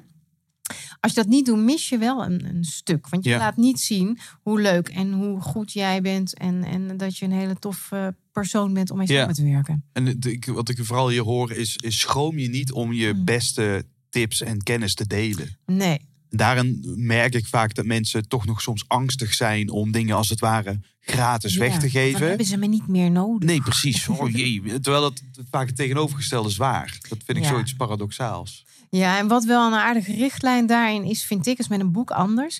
Maar zeker online kun je zeggen van nou, ik ga wel delen waarom iets belangrijk is en wat dat dan is wat belangrijk is. Maar ik vertel niet al het hoe. Want de Mm. hoe is misschien wel jouw dienstverlening. Ja. En dan, dan word je daar minder voor ingehuurd. In een boek staat veel meer hoe. Dat hoort ook natuurlijk. Uh, maar zelfs dan, ja, nou ja, wat ik al zei, ik word uh, bijna, ik denk de helft van de lezing komt voort uit human to human, omdat mensen dat boek hebben gelezen. Ja. Omdat ze denken, ja, dit willen we ook, maar we willen daar wat meer handvaten voor. En bij workshops ook is het echt een rode draad wel in het verhaal. En dan nog kun je inderdaad de hoe, uh, ja, voor, voor, voor een paar tientjes kun je, kun je al die kennis ja. uh, kopen en tot je nemen. Als je Storytel hebt, kun je ja. het ingesproken door de auteur zelf. Kun je gewoon, ik, heb, ik heb jou, ik, heb, ik vond het heel fijn om je, je boekje te krijgen, maar ik heb hem eerst geluisterd en daarna nog een keer doorgebladerd uh, ter voorbereiding van ons gesprek. Ja. Maar dat, ja, dus, dus, dus die kennis, zeker in deze kenniseconomie zou je kunnen zeggen, dat is overrated. Want ik kan alles online vinden als ik dat wil. Maar die persoonlijk, ja. wederom, die persoonlijke saus die je als mens daarin, ja. daar, daaraan toevoegt. Ja, dat vind ik niet op Google. Dat vind ik niet uh, in de lijstjes. Nee. Dus dan kom je toch weer terug over die menselijke authenticiteit. Wat onderscheidend maakt. Of ik met jou of met een, een collega wil werken. Ja, en sterker nog, als jij het niet ergens op internet hebt staan, dan kom ik zeker niet bij jou uit. Nee, want dan kom ik bij iemand anders uit Precies, die dat wel heeft die gedaan. Ja, dus de angst van ja, maar dat is toch al wel te vinden, die zou ik sowieso loslaten. Mhm. Dus dan voeg daar je eigen stijl aan toe. En dan, uh, dan maakt het ook dat mensen denken, ja, dat is iemand waar ik wel contact mee wil. Ja, mooi. Ja. Als we het hebben over de, de, Ik heb dan veel trainingen gedaan in retail. Ja. Uh, waar het natuurlijk ook voortdurend gaat over uh, klantbeleving, over klantloyaliteit. Uh, een bekende uitspraak daar is under promise, over deliver. Ja. Uh, waar het vaak andersom gebeurt. Hè. We doen heel veel beloftes die ineens heel moeilijk zijn om daadwerkelijk waar te maken. Waardoor eigenlijk klanten heel snel teleurgesteld zijn. Zonde. Ja. Uh, en jij beschrijft ook vijf pijlers in je boek om, om uh, de klantenverwachting te overtreffen. Ja. Wat, wat zijn een paar, hoeven ze niet allemaal langslopen, nee. wat zijn een paar manieren waarvan jij zegt hoe, dat, om, om die verwachtingen echt zodanig te doen dat mensen fans worden ja. van jou? Nou, en, en, dan is enerzijds ga je dan natuurlijk alweer terug naar weten wat jouw klant verwacht en wat niet. Hè, waar Ja. we het eerder al over hadden. Dat is een belangrijke. Ehm, maar dat is bijvoorbeeld maken het klanten heel makkelijk. Zodat ze, eh, nou ja, even dan terug naar die content. Of, of hè, frequently asked questions die je op je website bijvoorbeeld kunt zetten. Of het proces wat een klant gaat doorlopen kun je heel droog opsommen. Je kunt het ook in een, eh, in een visual gieten of in een, een kort filmpje. Zodat iemand weet van oké, dit staat mij te wachten. En ik hoef niet iets helemaal door te akkeren. En, eh, dus maak het mensen makkelijk. Maar maak het mensen ook makkelijk om contact met jou op te nemen. Ik moet soms ook nog wel eens zoeken naar een telefoonnummer op een website. Want heel soms wil je gewoon eens even bellen met een bedrijf. Kan ik daar niet vinden. Dan moet ik eerst langs twee chatbots en, eh, en, en, Ja. en nog een andere. eh, dus, dus dat is denk ik een, een belangrijke. En ik denk dat ehm, als iemand dus blij is met jou, om daar weer even op, op voor te borduren. Dan vinden klanten het ook wel fijn als ze geattendeerd worden op wat jij nog meer voor ze kunt doen. Hoe kun je ze nog meer helpen? Even als ik het naar mezelf betrek. Ik word geboekt als spreker. En dan verwachten mensen, nou leuk, drie kwartier of een uur, een heel tof verhaal. En dan, hè, eh, dat, dat is het. En niet elke klant weet, zeker niet als het via een sprekersbureau gaat, weet dat ik workshops geef. Hmm. Terwijl wil jij als bedrijf verder en het veel meer implementeren in jouw bedrijf, nou dan kan het zomaar dat we daar nog een paar workshops rondom organiseren. En dan kun je er veel meer mee doen. Als ik dat niet ook, als ik merk van hé, dat- dat zou best wel wat voor ze zijn. Als ik dat dan niet ga zeggen, omdat ik denk, ja, maar dan loop ik te verkopen en te leuren en te sleuren. Ja, dan, dan mist daar misschien wel een hele mooie samenwerking. Dus ook niet schromen om klanten hulp te bieden. Ook al vragen ze er niet om. Je mag best ook wel suggesties doen. eh, en maar het niet er doorheen duwen. Volgens mij moet jij echt eh, wat anders. dat werkt natuurlijk niet. Ja. Dus, dus dat is. eh, klanten verwachten echt wel dat je ze ehm, aan, de hand, nou, aan de hand neemt. Zoiets. Hè? Dus, dus dat je- en wat klanten heel erg verwachten tegenwoordig is dat ze betrokken worden. Hmm. Vroeger, zeg maar even, eh, was de klant het eindpunt. Hè? Tenminste, die, die, je had van alles bedacht en dit ging je doen aan klantgerichtheid en dat. En dan ging je dan vormgeven. Nou, dan had je die klant en dan deed je je dingetje en dan stuurde je de factuur klaar. Klaar. Ja. Maar klanten zijn, willen betrokken zijn. Als ze jou een fijn bedrijf vinden, een fijn persoon vinden, dan zijn ze ook wel bereid om mee te denken. Ik heb een keer een lezing gegeven voor. Die hadden vanuit heel de wereld hun Nederlandse mensen over laten vliegen op de pier. In dat, dat ronde restaurant was dat toen. Mhm. En die hadden dan het weekend van de klant, gingen ze dan. Dus gingen ze allemaal bedenken, wat gaan wij komend jaar voor onze klanten doen. Dus ik mocht de aftrap doen van dat, eh, eh, van dat weekend. Dus ik over, nou, je moet je klanten betrekken, want die willen met je meedenken. Dan maak je het leven makkelijker, dan hoef je het niet zelf te doen. Dus ik zag die directeur al wel gaandeweg mijn lezing best wel een beetje steeds, nou niet boos, maar die zat echt te kijken van, oh, maar ik Shit. dacht, oh, ik heb iets heel erg verkeerd gezegd. Maar die kwam ook naar mij toe. Hij zei, jeetje, Danielle, ja, jij vertelt dat. En wij zitten hier nu met 200 man na te denken, wat gaan we doen voor de klant? We hebben niet één klant uitgenodigd van, joh, kom er eens bij zitten en vertel eens. Wat zou jij willen? Wat verwacht Oh, het was niet kun- met de klant zelf, Nee, het was alleen... Oké. over de klant. Dus hebben ze uiteindelijk hebben ze nog wel iets kunnen regelen. Dat er toch wat klanten werden inge... Ge, ge, geboe- ge- nou ja, dus, dus die werden er nog bij betrokken. Ingevlogen. Maar dat is echt, dat is hartstikke zonde. Als jij zelf in vergaderingen of in, in teamsessies, dagen gaat bedenken: dit gaan wij doen voor de klant. Zonder dat je checkt, joh, word jij hier wel blij van? Of vind je dat maar gewoon? Of eh, zo- zoiets dergelijks. Ja. Dus je klanten betrekken, de meeste mensen vinden dat echt leuk. Ik moet nu denken aan, eh, aan, aan, een, eh, aan een sales director die, ehm, die nu door de inflatie en door de druk op, op prijzen eh, Ja. best wel spannende, spannende tijd heeft met, met Zeker. leveranciers. Ja, want waar, waar ga je de, de marges die eigenlijk al flinterdun waren, hoe, hoe ga je dat oplossen? Je kan het één op één doorvoeren bij de klant, maar ja, dat is ook niet, weet je, dus ze zaten echt te zoeken daarin. En zij hebben toen echt een, eh, dat vond ik heel moedig, een leveranciers uitgenodigd om, om dit probleem gewoon te bespreken met elkaar. Ja. Om als het ware een- met elkaar, want zij, zij kunnen er zelf ook niks aan doen. Dus wat de markt doet, ja, dat, daar hebben ze geen directe Nee, invloed op. nee. Dus ze zijn gewoon schouder aan schouder gaan zitten. Eerst begonnen met, eh, met, een, met een hapje en een drankje. Ja, eh, in, de, in de namiddag. Eh, en daarna gewoon een paar uurtjes met elkaar een soort open tafeldiscussie gevoerd. Jo, jongens, dit is de situatie. Ja, Eh, we hebben allemaal hetzelfde doel. Dat is namelijk uiteindelijk die eindgebruiker blij maken. ja. Hoe, hoe, hoe zullen we, eh, laten we gewoon eens even delen. Hoe zit je erbij? En eh, Ja. wat zou er volgens jou moeten gebeuren. Nou, precies dat. En dat vinden andere partijen echt heel leuk om daarin mee te Ja, denken. ik denk dat dat Ja. dus enorme loyaliteit heeft gecreëerd, ook naar dat merk toe. Want al die andere merken die, die maar gewoon hun strategie bepalen en dan zullen inkopers en zo daarmee moeten doen. Ja, Ja, dat, dat is, dat is een niet human to human eh, Nee. versus eh, dat, dat mensen het meenemen in dat proces. Ja, jij noemt het zo. Dat doet mij denken aan een van de podcasts die ik heb gemaakt. Ik heb een, een stuk of dertig heb ik er met Jules Burger samen gemaakt.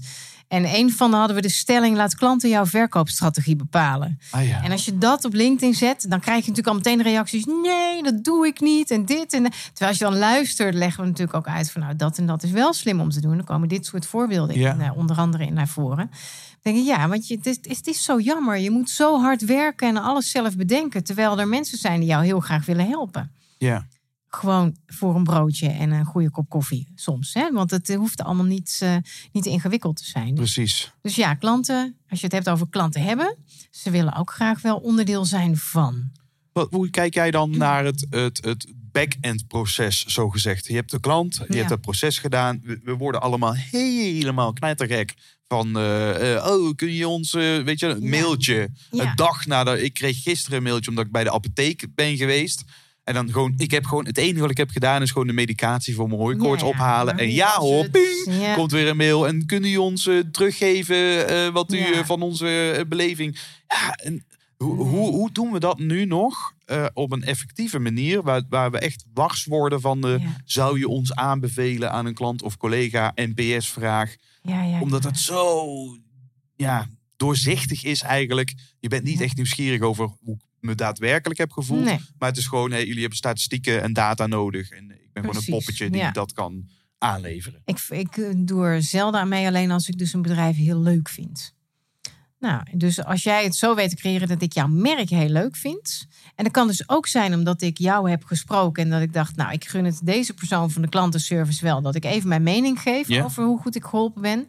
Dan wel. Dus ook daar zit toch wel weer, hoe profileer je jezelf richting mij? Hoe belangrijk vind je mij? Ben ik inderdaad iemand voor de statistieken en een soort pratende portemonnee? Of wil je echt weten wat ik vind? Ja. Dus jij zegt, je bent niet per se tegen het stellen van die vraag. Nee, ik Of er ook mail? een beetje kriegelig van hoor. Van Ja. mailtjes, elke webshop. Maar, nee, maar dat is. Maar dus ik vul het heel af en toe in. Maar dan moet je mij wel ehm, iets gegeven hebben waardoor ik enthousiast ben over je. Ja. Terwijl als ik iets bestel en ik krijg gewoon allemaal keurige, brave mailtjes terug. En er zit niks verrassends in of niks persoonlijks in. Ja, dan heb ik ook geen zin om eh, nog weer eventjes iets in te vullen. Ja. Wat, wat zijn andere manieren of, of manieren die jij eh, aanraadt? We, gaan, eh, we lopen nu langzaam naar de derde pijler, zou je kunnen zeggen. We hebben nagedacht over hoe we klanten kunnen vinden. Eh, daarna hebben we verkoopgesprekken gevoerd. We hebben nagedacht over hoe we die behoeftes kunnen overtreffen. Mhm. Maar, maar dan, dan zijn ze binnen en dan wil je natuurlijk dat, dat men ambassadeurs Ja. worden. Ja. Ja, en dat ze blij klant blijven inderdaad. Ja. ja, ik heb in het boek heb ik ook een model opgenomen, het klantbelevingsmodel, is een thermometer. En dat geeft dus aan hoe warm is die relatie met jouw klant. Niveau Ja. 1 is klantonterend. Nou, dan voel je hem al aankomen, is niet een hele fijn. Hè? Dat dat eh, twee niveaus minimaal. Hè, dus het eerste niveau is die praten in de portemonnee, zeg maar twee niveaus. Nou ja, u vraagt, wij draaien. Hier heb je het eh, wat je wil hebben. Ja. Niks. Dus die klanten die ga je niet, niet houden. Het derde niveau, het verwachte niveau, dat is een risicovol niveau. Want je doet wat de klant verwacht. Of je denkt te doen wat de klant verwacht. Maar als jij niet daar iets bijzonders van maakt, dan ben je nog steeds inwisselbaar. En ik vergelijk dat niveau wel eens met het koekje bij de koffie. Als je ergens koffie bestelt, denk je, nou, zal er een koekje bij zitten. En het is dan ook over het algemeen zo. Mhm. Maar dan stiekem is het een beetje jammer als dat zo'n speculatie in plastic is. en niet zo'n verser biscuitje of een bonbon van de lokale bonbon. Weet je wel, zoiets Ja. dergelijks. Dus je verwacht het, het is zo, maar er zit nog wel verschil in de aandacht die eraan eh, gegeven is. Mhm. Ehm, het vierde niveau, het verlangde niveau, dan kom je op die relatievragen. Hoe kan ik jou nou echt gelukkig maken als klant? Wat is voor jou reden om volgende keer weer voor mij te kiezen? Het is veel meer die klant leren kennen. En het vijfde niveau, human to human. Dat zijn de hele kleine dingen die je doet, die iemand niet verwacht, maar waarvan die denkt, nou wauw, dit is gaaf. Ja. En dat ga je vertellen. Dus, dus dan moet je niet alleen maar denken, ik ga nu alleen maar niveau 5. Want dan gaan mensen dat weer verwachten. Hè? Dan maak je het jezelf een beetje lastig. Maar voor elke klant een keer iets doen waarvan die denkt, nou wauw, gaaf. En dat had ik niet verwacht. En wat leuk. En dat zijn vaak dus de kleine dingen. Niet de relatiegeschenken van 150 euro. Ehm, maar nou ja, dus, dus. En daarmee, als je dat goed in de smies hebt, dat je weet van ja, ik moet veel meer dus op die hoge niveaus mikken. me veel, veel meer aandacht geven aan mijn klanten, veel meer in verdiepen in die klanten, dan gaan ze ook makkelijker bij je blijven. Dan willen ze de moeite nemen om met jou mee te denken. Ook als ze ergens niet zo tevreden over zijn. Want je kunt ook, je moet niet alleen maar je allerblijfste klanten natuurlijk vragen van wat doen wij goed en wat kan er beter. Maar ook die kritische. Ja. Um, dus als je, als je mikt op die hoge niveaus, dingen doet waarvan iemand denkt, ah, dit is gaaf. Hè, dit past nog beter bij mijn behoeften en bij het serviceniveau wat ik verwacht. Ja, dan gaan ze makkelijker bij je Ja. blijven. Ik hoor je vooral, het moet dus persoonlijk zijn. Ja. Als ik, als ik, als ik iedereen Ja. maar hetzelfde doe, dan valt al een beetje een, lading weg. Ja. En ik hoor ook wel zeggen, als, als- stel ik wil dan die kop koffie. Ik merk ook wel dat ik nu af en toe op plekken kom dat, dat je dan de, de, het mooiste kopje ooit gezien, een, een bonbonnetje van de plaatselijke eh ch- of hoe, schrijf- Ja, hoe ja, zeg je dat? ja. Ja, iets, ja. Chocowinkel. Chocowinkel. Jij bent in Breda, als je dan naar Antwerpen gaat. dan heb je natuurlijk- daar hebben wij Oh, in Breda. nou, moet je kijken, dat is ja. een hele goeie hoor. maar, maar de koffie is niet te zuipen. Oh ja, nee, maar dat is natuurlijk eeuwig zonde. Ja. Ziet het er fantastisch Ik kom dus af en toe op uit. plekken dat ze, dat ze het extra hebben proberen te doen met de, eigenlijk de core business. Dus Ja. dat wat je daadwerkelijk verkoopt, is gewoon eigenlijk kwalitatief Ja, ja, nee, net dat is niet. Eeuwig zonde. En dat is eeuwig zonde, want dan kun je, kun je nog allemaal leuke tierenlantijntjes erbij bedenken. Maar dan denk je, ja, begin nou maar eens even bij de basis. Ja, Want als dat niet op orde is, dan, dan hebben al die kleine extraatjes nee. Ook niet effect. Precies. Je basis moet wel op orde zijn. Dus je, je product of je dienst moet kwalitatief heel goed zijn. Eh, het, het proces moet een beetje lekker te doorlopen zijn voor een klant. Dat hij niet steeds weer ergens tegenaan botst en, eh, en ook niet weet hoe het allemaal verder gaat. De communicatie op zich moet al goed zijn. Dus die basis, ja, die moet goed zijn. Ehm, wat dan weer het voordeel is, als jij dus dat hoge niveau van klantgerichtheid hebt. En die basis is een keer loopt even scheef. Dus dan gaat even iets niet lekker. Dan vindt een klant dat ook weer minder erg. Je hebt dat Je marge. hebt je credits opgebouwd. Ja. Je hebt inderdaad een marge. Ja. Nou ja, dat is wel die continue aandacht en het persoonlijk maken. Wat zijn voor jou, wat zijn voor jou de beste manieren om, om dat goed te doen? Om, die, om dat te onderhouden? Wat zijn best practices die je met ons kunt delen? Ja. Ja, ik heb hem eerder genoemd. De term netvliesmanagement. Ja. In beeld blijven bij klanten, even goed als bij potentiële klanten en jouw netwerk. Hè. Dus het is breder dan alleen maar klant-relatiebeheer. en netvliesmanagement betekent dus ook letterlijk op het netvlies in beeld blijven bij jouw klanten. eh, en zorgen dat ze af en toe iets van je zien of van je horen. Door eventjes een gesproken WhatsAppje te sturen. Door te denken, hey, we gaan eh, eh, gadgets eh, uitdelen voor onze klanten. Ik noem maar wat, Je- soms doe je dat. Dan kun je iedereen leuk een pen met een notitieblok geven... met het logo van jouw bedrijf. Dat kan, maar jij kent je klanten goed. Dus je denkt, nee, maar ik weet dat deze klant die heeft drie honden... en dan gaat hij elke week mee het bos in en, en zoiets dergelijks. Ik rij even langs de lokale dierenwinkel, koop een zakje hondenbrokjes en een tennisbal... en dat geef ik eh, als klein cadeautje. Mm. Dus, dus dan gaat het over dat soort dingen. Maar haar aandacht zit ook in ehm, eh, bijvoorbeeld... geef gewoon eens een keer een compliment. Joh, wat fijn dat je altijd zo snel reageert. Of wat fijn dat die overleggen altijd zo gestructureerd verlopen.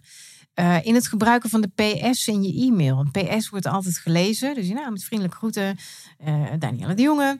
PS. En dan kun je zeggen, PS, alvast fijne vakantie hè, volgende week. Als iemand op vakantie gaat. Of PS, we hadden het laatst over dat en dat. Hier heb je nog even een podcast die daarover gaat. Zoiets dergelijks. Dus dat zijn kleine dingen van aandacht waarmee je laat zien van... Joh, ik, ik weet wat er bij jou speelt of wat je belangrijk vindt. Dat is ook als je de krant leest of een boek leest. Van, hey, volgens mij is dit voor jou interessant. Foto, appje of, of mail. En, en, en dan komt Google Alert. We maken de cirkel gewoon rond bijna. Op het moment dat jij dus in Google Alert ziet... van hey, dit speelt er bij die klant. Of, of dat, eh, dan kun je daar ook iets mee. En dat verwacht iemand niet, over Nee. het algemeen. Nee, en dat, dat, je zou misschien kunnen denken dat, dat, dat, dan, dat heel veel mensen dat doen, maar dat valt vaak dus tegen. Enorm, Doen, ja. doen, doen enkelingen. ja. En als dat echt eh, komt vanuit een, nou, een goed hart en vanuit, Ja. eh, vanuit de behoefte, hey, ik vind jou belangrijk en, eh, en, en jij bent leuk en ik Ja. onderhoud dit graag omdat dat tof is. Het hoeft niet meteen weer een, een, een, een, een, een koop of een aanbod in te zitten. Nee, zeker niet. Ehm, wat, Juist wat, niet. wat is juist niet, zeg Nee. je? De, laat Nee. dat weg vooral. Precies, dat kan dan alsnog wel een keer tussendoor. Hè, Wat ik net al geef, als je weet van nou iemand kan dat wel gebruiken, attendeer hem daar vooral op. Maar ga niet elke keer als je contact opneemt lopen verkopen. Of bellen, ja we hebben elkaar al een tijd niet gesproken, hoe is het met je? En by the way, wil je nog iets van onze producten af? Nee, niet doen. Gewoon hoe is het met je? Klaar, Ja. punt. Ja, En dan maar het gesprek hebben.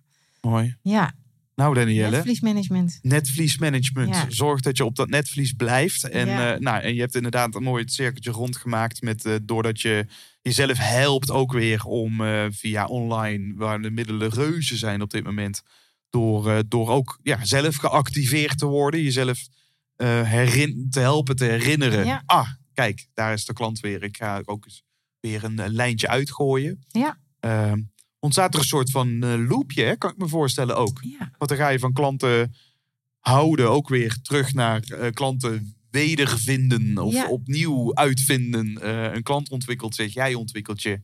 ja, ook dat. Ja. Dat dat dus ook een continu proces is eigenlijk. Ja, en het is ook die continue alertheid. Je moet het enerzijds natuurlijk leuk vinden om dat te doen. Ehm, en, en het gaat alleen maar om aandacht geven. Ja, het klinkt zo enorm afgezaagd. Maar daar ga je echt wel de grootste winst mee halen. Ja. Aandacht waar iemand blij van wordt. Met andere woorden, als we kijken hier naar de gigantische digitalisering, naar Ja. artificial intelligence. Oh, eh, eh, ja. Denk je dat, dat, de- we, dat we de, het echte klantencontact, dat dat nog lang niet geautomatiseerd kan worden? Ik denk dat het eh, nooit geautomatiseerd kan worden. Een computer he- heeft niet het empathisch vermogen op dit moment. Oké, maar, maar die Ja. heeft dat niet. Ja. Die voelt dat niet aan. Als, eh, als jij binnenkomt en ik denk, hé, hey, je bent heel vrolijk. Of juist misschien wel niet. Dan kan ik daar iets over zeggen. Dat Ja. kan een computer niet. Nee. Die ziet het niet. Dus eh, zet hierop in, zorg dat je dit eh, Ja, ontwikkelt. Eh, Ja. Met inderdaad aandacht als belangrijkste prioriteit. Ja. Hey, als mensen meer over jou willen weten, Ja. via welke route komen ze dan ja, bij jouw website? Of hoe kunnen klanten jou vinden? Ja, nou, via de website inderdaad, danielledejonge.nl. Ja. En ja, via LinkedIn. Ik denk dat dat een, een hele gangbare, makkelijke route is om elkaar je- beter te leren kennen. Deze, als je er nog steeds bent, dan vond je een leuke aflevering. Waarvoor dank voor het luisteren alvast, eh, luisteraar. En dan maak even connectie aan met eh, Danielle. En als je dat nog niet met mij hebt gedaan, eh, mag je mij ook zeker een connectieverzoek eh, sturen. Danielle, we gaan langzaam naar de afronding. Ja, Maar niet voordat ik de onspot-vragen heb gesteld. oh jeetje. dat zijn de vragen die ik eh, iedere gast stel. Ja, oeh, Je mag kort en krachtig dat antwoorden. is goed. Ja? Ja. Wat is een boek wat je enorm heeft geïnspireerd? Of wat je wellicht het meeste cadeau hebt gegeven aan anderen? ja, De Alchemist van Paulo Coelho. Hey. Ja, zowel geïnspireerd als cadeau Ja? gegeven. Ja, het is al een aantal keer benoemd. Oh waarom ja, waarom, leuk, ja. is dat voor jou eh, een inspirerend Ja, boek? nou, ik hou wel van de verhalen met een boodschap. Mhm. En dat is het natuurlijk. En het geeft ook aan dat, dan sla ik hem echt heel erg plat. Als je iets wilt bereiken, dan kun je dat ook. Ook al moet je er veel moeite voor doen. Ja, dus ik vind het een heel mooi verhaal. Ik lees en luister hem regelmatig. Mooi. Ja. Wat is een eh, mythe over eh, klantenrelaties waar we echt vanaf moeten? Ehm, nou, ze kennen me toch wel. Dus als ze iets nodig hebben, dan weten ze mij te vinden. Ja, zo werkt het niet in het leven. Nee. Staat genoteerd. Ja, Danielle, je mag een uithangbord plaatsen waar miljoenen mensen langskomen. Wat zou jij op dat uithangbord plaatsen? ja, maak jezelf zakelijk onweerstaanbaar aantrekkelijk. Had, nee, had geen andere zin kunnen zijn natuurlijk. Stel je voor dat angst geen rol meer speelt in je leven. Wat voor keuze zou je dan maken? Oeh, jeetje, dat is een hele goede vraag. Want dan moet ik ook weten waar ik bang voor ben. Ja. ik heb hoogtevrees. Nee, wat voor keuzes zou ik maken? Nou, dan zou ik, ehm, ehm, ik denk, eh, alle dromen die ik heb wel willen najagen. En alles zou dan ook lukken en zo. Ja. Ja. Is, wat, is, wat is één ding wat, wat, wat er in jouw droom nog een beetje zit te broeden? Oh, nou, maar dat, dat gaat dan meer naar privé dingen, niet zozeer werk. Maar ik wil heel graag een eh, heel tof huis in Zeeland. Ah, Ja. zoute landen ergens. Nee, wel eh, Walcheren inderdaad. Ja. ja, dat klopt. want wat zie Ja. je jezelf dan doen in, eh, in dat huis in Ja, Zeeland? Het is een leuk huis met vooral veel grond. En, en daar dan lekker allemaal. eh, ik ben een natuurmens. Ik hou enorm van natuur. is mijn, mijn eh, basis zo'n beetje. Ja, Dus dat daar helemaal eh, hebben. En vlakbij het strand. bij zee. Natuurlijk heerlijk. Ja. Mooi. Nou, dus wie weet, eh, Ja. eh, op, op, op je oude dag ergens nog een keer, maar dat duurt nog even, denk ik. Stel je voor, of niet stel je voor, wie is voor jou persoonlijk een inspiratiebron of idool? Ehm, nou, dan ga ik toch wel binnen mijn vakgebied. En dat is mijn zeer gewaardeerde collega, zakenvriend Jos Burgers. Mhm. Die, eh, waar ik ontzettend veel ehm, eh, inspiratie uit haal. En, eh, en nou ja, die helpt mij, of heeft mij ook echt wel geholpen met bepaalde dingen in mijn sprekerscarrière. Ja? Ja. Oh, wat ja. goed. Is een van de feedbackmensen Oh, wat tof. Ja, maar Jos, nou ja, we hebben natuurlijk ook een hele podcastserie en zo gemaakt. Ja. Al meer dingen samen eh, gedaan eh, binnen het werkveld. Dus dat is, eh, ja, het mijn zeer gewaardeerde collega. Mooie, mooie toevoeging. Ja, je mag een muzieknummer in de over gesproken jukebox stoppen. ja. Ik vraag sprekers vaak wat ze luisteren voor of na het spreken. Nou ja, daar hebben we het al een beetje over gehad zelfs. ja. Maar het mag ook gewoon een andere live anthem zijn die, die, die heel dierbaar is. Nou, wie ik altijd nomineer voor de top 2000. Ja. Ik ben een top 2000 fan. Ja. Eh, dat is Coldplay met Viva la Vida. Hmm. Staat bij mij altijd hoog op één. Mooi. Op één tot en met de- 2000. Maar ja, Nou, dan stoppen we Viva de la Vida in de Goed. over sprekers gesproken jukebox. Ja. De allerlaatste vraag is de college tour vraag. Wat zou jij een beginnend spreker als advies willen meegeven? Wat is een mooie eerste stap? ja. Ga vooral niet voor de geëikte manier van presenteren. Maar Hmm. kies iets waarvan mensen... Begin al met een presentatie waarvan mensen denken... Oh cool, dit wordt anders dan anders. Doe iets wat anders is dan anders. Ja. Dus niet hoi, welkom. Mijn naam is. Ja. En ik ga het hebben over. Maar dan dus iets heel spannends... waarmee je meteen de aandacht pakt. Danielle, dankjewel voor dit leuke gesprek. Ja, jij bedankt. Het was heel leuk. Dankjewel. Hallo lieve luisteraar, je bent aan het einde gekomen van deze aflevering en ik wil jou heel erg bedanken voor het luisteren. Ook de gast van deze aflevering wil ik van harte bedanken voor alle waardevolle inzichten. En vond jij het nu ook een waardevolle aflevering? Laat me dat dan weten. Maak even een connectie aan via LinkedIn. En als je dat wilt, waardeer ik het enorm als je een review wilt achterlaten op je favoriete podcast-app. Dat helpt namelijk om de zichtbaarheid te vergroten, zodat we samen korte metten maken met plankenkoorts en leren spreken met meer impact. Wil je meer informatie over de podcast? Check dan mijn website www.glenvergozen.nl. En wil je zelf ook praten met resultaten? Dat kan. Ga dan naar www.desprekersregisseur.nl en meld je aan voor de gratis Online Sprekers Academy. Dit is een gratis online training met de negen beste lessen van twee jaar over spreken gesproken podcast. De missie van de Over Spreken Gesproken podcast is om jou te helpen je stem te vinden, zodat jij anderen kunt inspireren datzelfde te doen. Ik wil je heel erg bedanken voor het luisteren en graag tot de volgende aflevering.